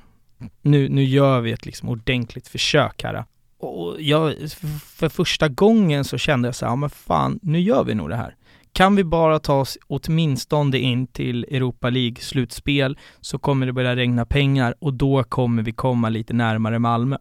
Det var min ärliga känsla. Allsvenskan kände jag så här inför att, men nu fick vi 2018. Eh, visst, man, man är så här, vi är regerande svenska mästare, men det viktigaste för mig var att tar vi oss ut i Europa gruppslutspel, då skiter jag lite i allsvenskan. Och jag trodde så här, Malmö kommer ta det här nu. Nu är de griniga för att de, de hade ju, vad är det, Norrköping vinner 16 va? Och AIK vinner 18. Jag menar att de hade snubblat lite grann och att så här, nu kommer de ta tillbaka taktpinnen i, i, i, liksom i svensk fotboll. Och det får de, alltså gör det då. Det, det är fullt rimligt. Så länge vi tar oss ut i Europa så, så kan vi liksom knappa in på dem ekonomiskt. Det var känslan inför 2019 och nej, alltså jag var jävligt uppkäftig på, på eran YouTube-kanal och, och liksom gick ut med att säga men Djurgården kommer aldrig vinna för att det var min ärliga åsikt. Jag trodde att det skulle bli som alla andra säsonger liksom, sådär. Ja, och det är såklart då inte konstigt med tanke på hur det hade sett ut tidigare. Eh, men det går ju såklart inte att undvika, även om du vill radera den säsongen, så tror jag att du också förstår att det inte riktigt går att göra så. Eh, Djurgården vinner det där SM-guldet. Jag tänker att vi ska prata lite med supportkanalen och att du vill påverka och så vidare. Men eh, vi börjar där. Djurgården vinner SM-guld. Det är tight ända in i egentligen den sista sekunden då. Eh, Mm. Dels så har de ju både Malmö och Hammarby som jagar, AIK lite efter. Mm. Men det är ju också en bortamatch i Norrköping där jag tror att 99% av alla djurgårdare sitter med hjärtat i halsgropen. Hur känns det att gå från regerande mästare till att men till att se, du har ju diskuterat nu börjar Djurgårdarna dyka upp och de börjar bli fler på läktaren och Alltså det, det är väl, man kan väl beskriva det så här eh, kort och enkelt sagt. Där har vi ju skillnad, det är ju himmel och helvete, så är det ju. Från det bästa som kan hända till det absolut värsta som kan hända. Det är inte svårare än så. Sen, så här, med, med, med facit i hand efter 2019 säsongen så säger ja, de, de var välförtjänta utav det. De var det bästa laget, alltså så är det bara. de gör eh, en otrolig värvning, alltså att de hittar Danielsson i att plocka in han i Djurgården i ett jävla genidrag och han, han vinner det här guldet Fan, ja, inte ensam, men nästan. Utan honom så hade Djurgården kommit fyra typ. Eh, man ser bara också hur bra han är nu, senast när han spelade landslaget till exempel, en fantastisk mittback. Eh, sådär, så att eh, det, är klart, det är klart det var tufft. Speciellt också med, med den svansföringen man ha, jag hade innan, men det, det, jag menar, det var jag inte ensam om. Jag var helt övertygad, det kommer inte att hända. Alltså. Ja, och så blev det det som inte fick hända ur AIK-ögon. Då hände, Djurgården vann SM-guld eh, och jag tänker att vi ska komma tillbaka till supporterkanalen, vad det har betytt för dig, vad det sen har mynnat ut i när vi avslutar. Men innan det så tänker jag att vi klämmer in två stycken rätt eller snett. Och två stycken, spännande! Så att eh, jag gör lite annorlunda här, jag vet att eh, reglerna är en, men jag tycker att de här är tillräckligt bra för att prata om båda. Så rätt eller snett betyder att jag ger ett påstående till Jalle som är ja, men lite fördomsfullt skulle jag vilja säga och så får Jalle berätta om jag är rätt på det eller om jag är snett på det. Mm. Och, eh, och jag tänker att vi börjar med, du var egentligen inte tillräckligt bra på fotboll för att bli proffs, men du har svårt att acceptera det. Mm, jag, snett. Alltså jag la av tidigt och när jag la av var jag ruskigt duktig. Alltså sen vet man inte om det är Alltså om jag hade blivit eh, liksom nya Zlatan, det tror jag inte. Jag vet inte om jag hade blivit Nabil Bahoui heller. Men hade jag fortsatt lira, alltså hela vägen, så hade jag åtminstone kunnat lira typ division 1, tror jag. Sådär. Sen vet man ju inte, alltså allt kan hända, en knäskada så kan det vara kört. Men jag var ruggigt duktig när jag var, men jag var väldigt ung när jag var ruggigt duktig. Sådär. Så jag, jag testade det aldrig och se hur långt det kunde gå riktigt. Ja, ni hör, fortfarande svårt att släppa det där.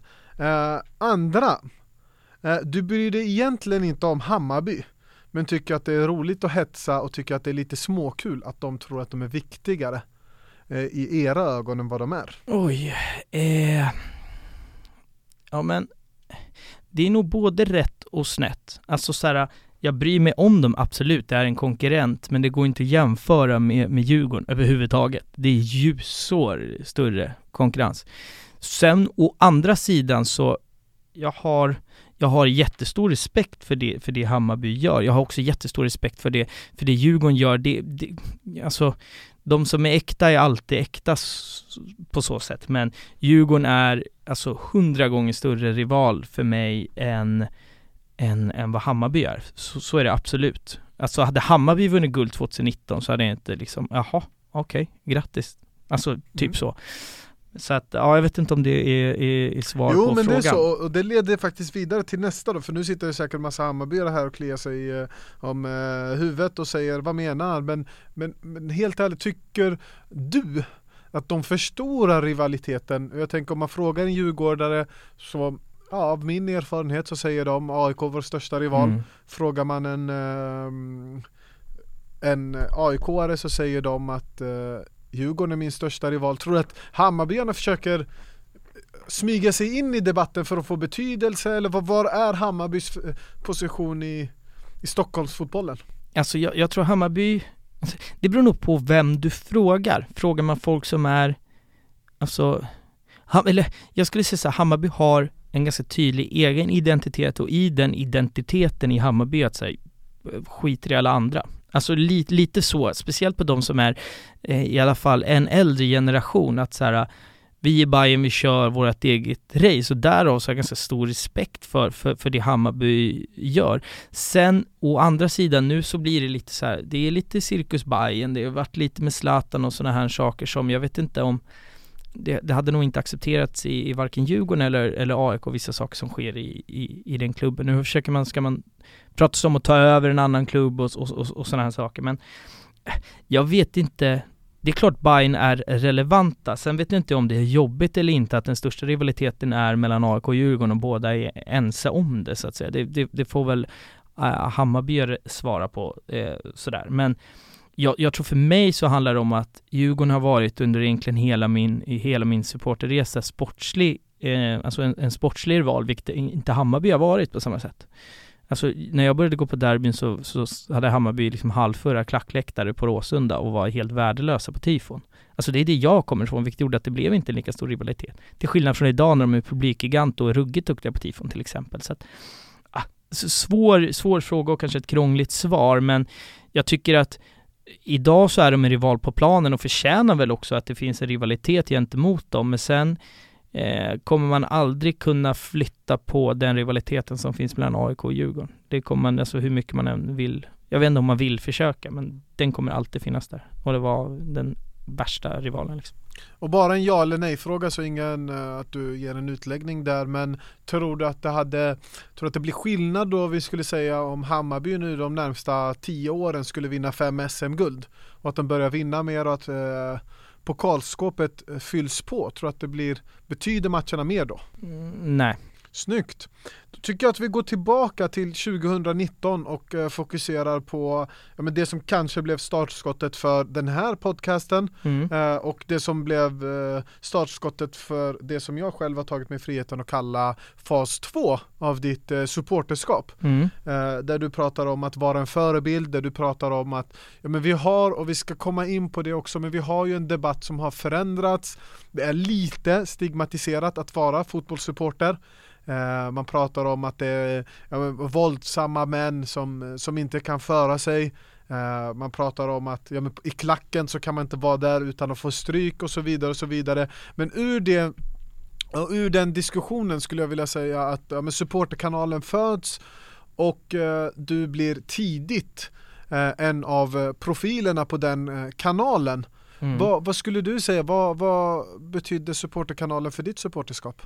Nej men det, det har betytt mycket, alltså för, för de, som, de som lyssnar som kommer från, från supportkanalen och har hittat mig den vägen, de, de, det är väl rimligt egentligen sådär. Men sen de, de, som har kommit utifrån och har dålig koll på supporterkanalen, alltså anledningen till, jag har haft den här idén om den här podden långt innan supporterkanalen kom till ens, men jag skulle aldrig våga göra den utan att ha liksom följare eh, och folk som jag vet skulle lyssna.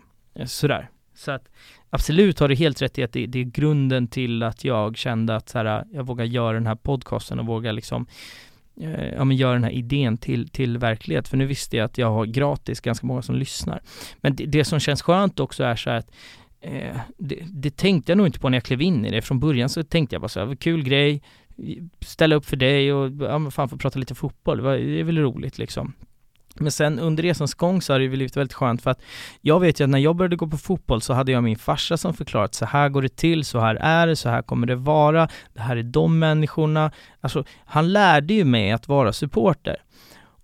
Vilket betyder att jag har fått väldigt mycket gratis. Det som jag kände nu och det jag märkte ganska tidigt med supportkanalen är att väldigt mycket unga killar och tjejer började skriva till mig, ställa mycket frågor. Hur är det att vara på ståplats? Alltså de frågade mig egentligen om hur supporterlivet är och det som jag kände var så jäkla skönt är att jag fick, jag, jag fick, eh, jag, jag fick hjälpa och vara den Alltså kanske det som min farsa var till mig när jag var 12-13 år gammal fick jag vara för någon annan. Någon som skrev, jag är intresserad av det här livet, jag hejar på AIK, men ingen i min familj går. Hur gör jag? Hur ska man tänka? Hur är det här då? Så att det, det, det var ju dels en, en skjuts för egot av att när liksom eh, följare på sociala medier och folk skriver och hör av sig och, och, och sådär. Så det, till en början så var det ju en, en jätteegoboost där men Sen var det också jäkligt skönt för jag kände ganska direkt att så här, men fan vad skönt. Nu har jag hittat mitt forum och på AIKs läktare nu så är jag inte längre bara min pappas son. Nu är det många som ser, aha, du är Jalles pappa istället. Och vilket för mig, det, jag har aldrig haft en prestige gentemot min, min pappa, förstå mig rätt, men det var skönt för mig att säga, fan jag har gjort det här i 20 år, Eh, och, och, nu hade jag ett eget forum att göra någonting mer än att bara vara på, på matcherna liksom. Och jag vet ju att jag, jag har fått liksom, från det att eh, liksom några, några har skrivit till mig dag ett och frågat om supporterlivet till att de har köpt ett årskort. Alltså, det finns en kille som, vi, vi pratade och sen berättade, men jag har köpt årskort. Alltså för mig är det hur stort som helst. Ja, han kanske aldrig hade gjort det om inte jag hade svarat honom och pratat med honom och där känner jag så här att, ja men kan jag vara någon slags, jag är en ganska dålig förebild, alltså speciellt matcha, krökar för mycket och svär och skriker och har med, men ändå att så här, äh, ja men man kan vara något som, som yngre grabbar kan liksom komma och säga tja till på matcherna och, har, och, och vara någon slags förebild där, ja, men det är jäkligt häftigt, skulle jag säga. Ja, och det kan jag förstå. Jag vill att eh, vi ska prata lite, jag tittade lite här och då eh, är det så att ja, men, om vi spolar fram ett år um, ja, men, och lite mer Mm. så gick, ja men första klippet tror jag landade på 2000 visningar ungefär Ja. eh, och eh, totalt nu så är det en halv miljon visningar som du ja, men på ett och, eller annat sätt är involverad i. Mm. Hur, hur tänker du kring det? Att, jag menar att det, är folk som eh, dels tittar på, det är folk som eh, undrar genuint över vad du tycker om matchen.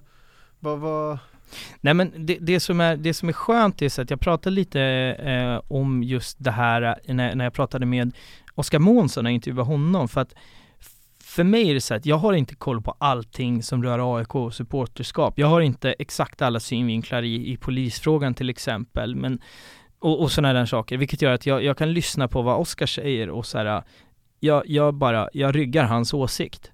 Och där är jag i mitt supporterskap. Jag kan ta en utav, enligt mig kanske Sveriges bästa journalist i, i de här, eller han är Sveriges bästa journalist i de här frågorna och rygga hans åsikt. Det gör man kanske inte när man är 12 och har gått på fyra matcher, men då kanske man behöver någon annan att rygga. Eh, och, och det känns jäkligt häftigt att, jag har ju märkt det nu, jag fattade inte det liksom förrän fan stått och jobbat och det har kommit in unga, alltså, det är så här, unga killar och velat ta bild med mig, alltså det är det sjukaste jag varit med om. Va? Alltså, och sådana grejer, som, och, och, folk som skriver och hör av sig och sådär. Det, det, det, är klart det är jättehäftigt och det, mm, nej men det, det betyder jättemycket att kunna få vara, alltså svara på frågor runt mitt största intresse och kanske hjälpa någon till att bli mer aktiv själv. Det, det gynnar ju bara klubben i slutändan. Och, och det känns, kan jag, kan jag få en person extra och köpa årskort som kanske om fem år är capo eller fan vet jag. Alltså då, då, känner jag att jag kan göra någonting mer för, för klubben i mitt hjärta och det är eh, det är jäkligt häftigt så det kan jag inte sticka under stol med. Ja, men det är så roligt att lyssna på. Sen eh, såklart ur det så föds då, eh, som du lite är inne på, eh, den här podcasten. Eh, mm. Äkta fans som då ja, men egentligen omfamnar hela konceptet och som ger ytterligare en vik. Vi breddar våra synvinklar, man får höra om eh, ja, men någon bandyklubb och så får man höra om någon handbollsklubb. Vad skulle du säga, nu vet jag att vi går utanför ämnet lite, men, men för din del att, att, att ha den här podcasten, att få höra andra supportrar, att få vara lite nyfiken på någon journalistperspektiv, vad, vad har det gett dig? Nej men det ger ju mig jättemycket och, och det utmanar ju mig jag har spelat in ett avsnitt där vi liksom, när man pratar Djurgården och alla som har följt mig via supportkanalen vet vad jag har sagt där. Men någonstans, och det jag alltid har försökt förklara som jag tycker att jag många gånger inte har fått fram, eh, är ju att jag har stor respekt för alla som är alltså, verkligen äkta supportrar och det känns jäkligt skönt och intressant för jag menar folk som tycker som mig och, och, och, och, brinner för en klubb, det spelar egentligen ingen roll vilken. De som man stör sig på är de som inte är, om jag nu kan kalla mig själv äkta, eh, vilket jag, vilket, ja men jag tycker att jag är äkta i mitt supporterskap. Och de man stör sig på är de som inte är äkta. Alla som är äkta, det spelar ingen roll om du är liksom hejar på i något handbollslag eller är i Djurgården eller AIK, utan det är samma skrot och korn och tycker att det är sjukt spännande och jag, jag vill någonstans att, ja men jag hoppas att det sitter folk och lyssnar nu som inte är äkta, som kanske till och med har jättemycket fördomar om fotbollssupportrar, eh, som kanske kan radera någon utav de eh, fördomarna. Så. Så att, ja, det betyder jättemycket. Plus att jag, jag är genuint intresserad utav det och får lyssna, vilket gör att när jag har gjort tio avsnitt så jag har varit så jävla avundsjuk så det är därför jag sitter och gästar min egen podd. Det kan man inte göra egentligen, men vad fan liksom. Ja, nej men eh, spännande. Eh, och jag tänker, jag tänkte att vi skulle prata villkorstrappa och vad vi tror, men jag tänker faktiskt att vi ska skippa den delen. Jag tycker att du har tidigare avsnitt som du säger, mm. du har med eh, Oskar som pratar bra om det. Jag vill istället prata om den här säsongen då. Ja. Uh, en säsong som ja, men är väldigt annorlunda. Jag vet att jag inte har upplevt den och i och med att vi är i samma ålder så har ju du inte heller upplevt en liknande säsong där Nej. Ja men från start mm. så har det inte varit någon på läktaren. Uh, eller i alla fall väldigt, väldigt få. vad, så, när en supporterskap eller när ens kärlek till klubben är så är så förknippat med något som är så starkt som att stå på matcherna, sjunga sig hes, eh, vara där med andra som känner samma sak, att ja, men våndas mellan det roliga och det, det, det tråkiga. Vad, vad gjorde den här säsongen med dig? Och titta hemifrån, är det någon skillnad? Spelar det ingen roll? Jo men det är klart alltså, för första gången i, i egentligen, alltså jag kan inte säga hela mitt liv men från att jag var tio år gammal så har jag haft en säsong där inte mars till november har handlat om, om att det är match typ en eller två dagar i veckan. Liksom sådär. Alltså nu kollar man på matcherna men det är inte samma sak. Man knappar på tvn kvart innan, innan avspark och sen är det det. Det här äh, åka, du vet söndag, match, möta upp polarna tidigt söndag morgon, dricka några bira, åka in till Solna. Alltså allt det här, äh, det har ju liksom så här, min identitet har ju i mångt och mycket liksom rubbats här. Äh, där, eh, ja, mitt största intresse, det, det, största i hela min identitet har jag inte fått leva ut på, på ett år. Och, vilket å andra sidan, ja men det har gett mig så här, jag har passat på. Det har varit eh, corona, jag har inte kunnat gå på fotboll, vad har jag gjort då? Om jag startade en podcast och jag får ut lite grann utav det i alla fall liksom. Men det, ja, det är hemskt. Alltså det är hemskt. Jag längtar så mycket efter att bara få stå ett fullsatt norra och bara elda på och dricka för många öl och skrika för många fula ord och alltså allt. Jag bara, ja, det är en otrolig längtan och jag tror att eh, många som har varit lite marginalare senaste åren, när det här väl är över, så tror jag att många kommer inse hur jävla mycket man har saknat det.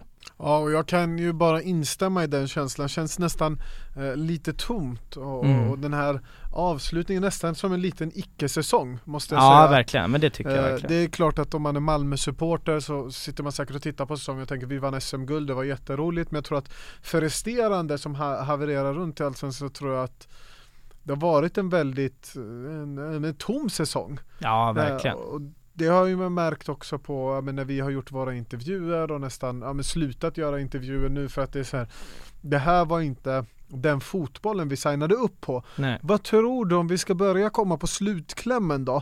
Uh, nu har vi fått titta på en säsong utan fans i Allsvenskan. V vad skulle du säga, vad gör supportrar för Allsvenskan? Alltså supportrar för Allsvenskan är allt. Alltså om man, man ska inte se egentligen alltså allsvenskan som, som en produkt. Jag är egentligen lite allergisk mot det, men om vi gör det för en kort stund. Allsvenskan är ganska kass fotboll, med få undantag. Du har alltid några ljusglimtar i alla olika lag, men det är ganska kass fotboll. Och trots det, trots att vi är typ så 25 rankade ligan i Europa, alltså det, det märker man när vi kommer ut i Europa. Vi åker ut mot så här skurkstater, alltså som är bättre ligor än vad vi är. Men trots det så kan ingen ta bort att liksom supporterkulturen och, och, och våra läktare är fucking världsklass. Alltså hitta en match som slår AIK och Djurgården på Tele2 eller på Friends. Alltså det är klart det finns, men du får leta ganska länge för att hitta den passionen, det trycker, de tifona, allt det är ihopbakat. Du får leta länge. Så att jag skulle säga att supportrarna för Allsvenskan är exakt allt om man nu pratar om allsvenskan som en produkt så är det en väldigt attraktiv produkt med supportrar och en riktig jävla pissprodukt utan supportrarna. Och utanför, utan att hoppa in på villkorstrappan, jag menar försvinner ståplats om, om polisen får som de vill. Alltså, vem fan vill sitta och titta på det här vi har tittat på nu? Du vet, sitta och kolla på 300 tysta och fyra hundar och kolla på liksom Kalmar-Häcken. Det är ingen som kommer göra det. Det är ointressant. Det man vill åt är passionen, det som händer på läktarna, för det är det som gör allsvenskan till, eh, liksom, till det det är. Jag brukar säga, jag vet inte vem det var som, som sa det från början, men allsvenskan är en skitliga, men det är fan med våran skitliga. Ja, och väldigt fint och, och, och, lite som, jag eh, vill också minnas tillbaka till ett citat som jag inte vet vem jag har fått det ifrån, eh, men eh, där man säger att allsvenskan, ja, det är en riktig pissliga. Däremot så är det enda som är världsklass i Allsvenskan, det är supportrarna. Mm. Uh, och, och det är väl det som jag tycker är så fint Eh, med den här ligan, det är det som är så fint med att sitta och prata med dig och jag är så otroligt glad och tacksam över att jag får lyssna på din resa. Tänker att i slutklämmen Mm. så ska du få ha en liten önskelista. Okej. Eh, för vi är i tider där man kan önska sig. Eh, och du pratar om, ja, men, eh, jag är inte religiös men Sebastian Larssons frispark, då ber jag till, till allt jag känner till. Mm. Men om du får önska dig år 2021 eller allsvenskan framåt, hur ser den ut då och vad är det som händer? Oj, det är en bred fråga, men det jag tror att om, jag, om jag får önska, jag önskar ju självklart att, liksom, att AIK tar sig, tar sig framåt. I närtid så önskar jag att AIK kan gå och vinna Svenska Kuppen eh, till våren och få kvala ut i, i Europa och ta sig in där. Eh, jag tror att för att allsvenskan ska växa så behöver, dessvärre för bottenlagen, men jag tror att jag önskar att det finns ett, att, att man skärmar av ligan, att man har sex, sju klubbar som är tydligt eh, starkare, eh, som växer ekonomiskt, för då kommer ligan kunna växa, fler lag tas ut i Europa, att det finns mer pengar i, i omlopp, att, att ligan kan växa i, i, eh, ja, men i, i styrka fotbollsmässigt också. Jag önskar att eh, polisen tar sig i kragen och börjar titta sig själv i spegeln och inser att deras bebisfasoner när man inte, när man liksom det som Oskar Månsson sa, att det är de supportrarna som är de vuxna vid bordet. Uh, och jag önskar att polisen också var de vuxna vid bordet. Att vi kan uh, få ha en aktiv supporterkultur, att man förstår att det är det som gör allsvenskan till det den är. Utan supportrarna så, så, så dör den här ligan. Så att det, det är väl det jag önskar i, i närtid, att eh, först och främst att den här pandemin tar slut så man får gå på fotboll. Men sen att, ja men att all lycka till, till AIK. Jag, jag bara längtar så mycket efter att få stå på Tele2 och leda med 2-0 mot Djurgården och berätta för alla de Djurgårdarna som är där hur dåliga de är. Eh, och få känna den här pulsen igen. Den saknar jag. Och vilken slutkläm det blev. Eh, med de orden Jalle, så Mm. vill jag tacka så mycket för ett eh, fantastiskt avsnitt. Och även om det är din egen podd så har jag som programledare i det här Ja. eh, rätten att säga att jag tycker att det var superintressant och jag är extremt glad och jag hoppas att det är fler som eh, både lyssnar och som hänger med på din resa. Om det nu finns någon som lyssnar på den här podden som känner det är lite läskigt att prata med Jalle eller skriva till Jalle och komma med idéer eller komma med tankar eller bara ställa en fråga. Vad, vad, vad säger du till dem? Nej men det är bara att höra, höra av sig. Alltså jag blir så chockad att vissa som har skrivit till mig har sagt jag är så chockad att du svarar. Och då blir jag så här, men vem fan tror att jag är? Alltså det är inte Zlatan Ibrahimovic du skriver till.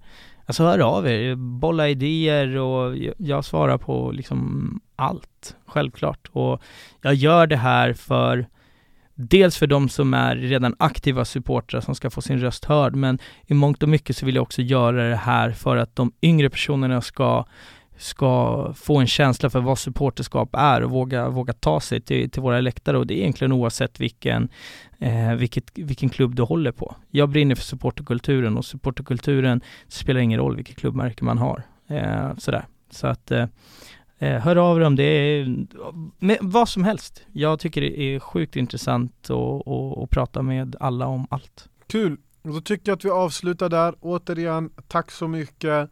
Och det här var Jalle Hindersson, AIK, 10-tal. Tack så mycket för att ni lyssnar. Glöm inte följa Akta Fans Podcast på Instagram och tipsa era vänner om den här podden. Tack så mycket. Tack så jättemycket Ahmed. Minns du Moskva, hur fantastisk du var? Vi gladdes åt att du var vår. Vi tänkte väl då, han är knappt 32.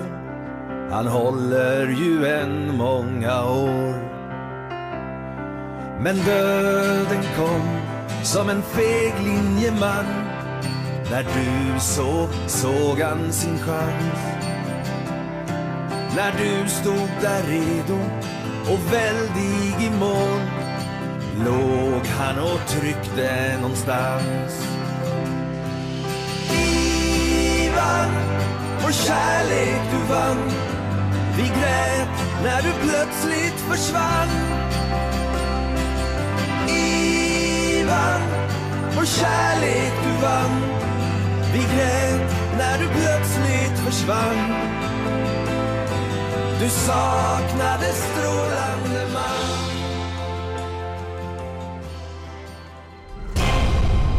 I samarbete med Esen Studio.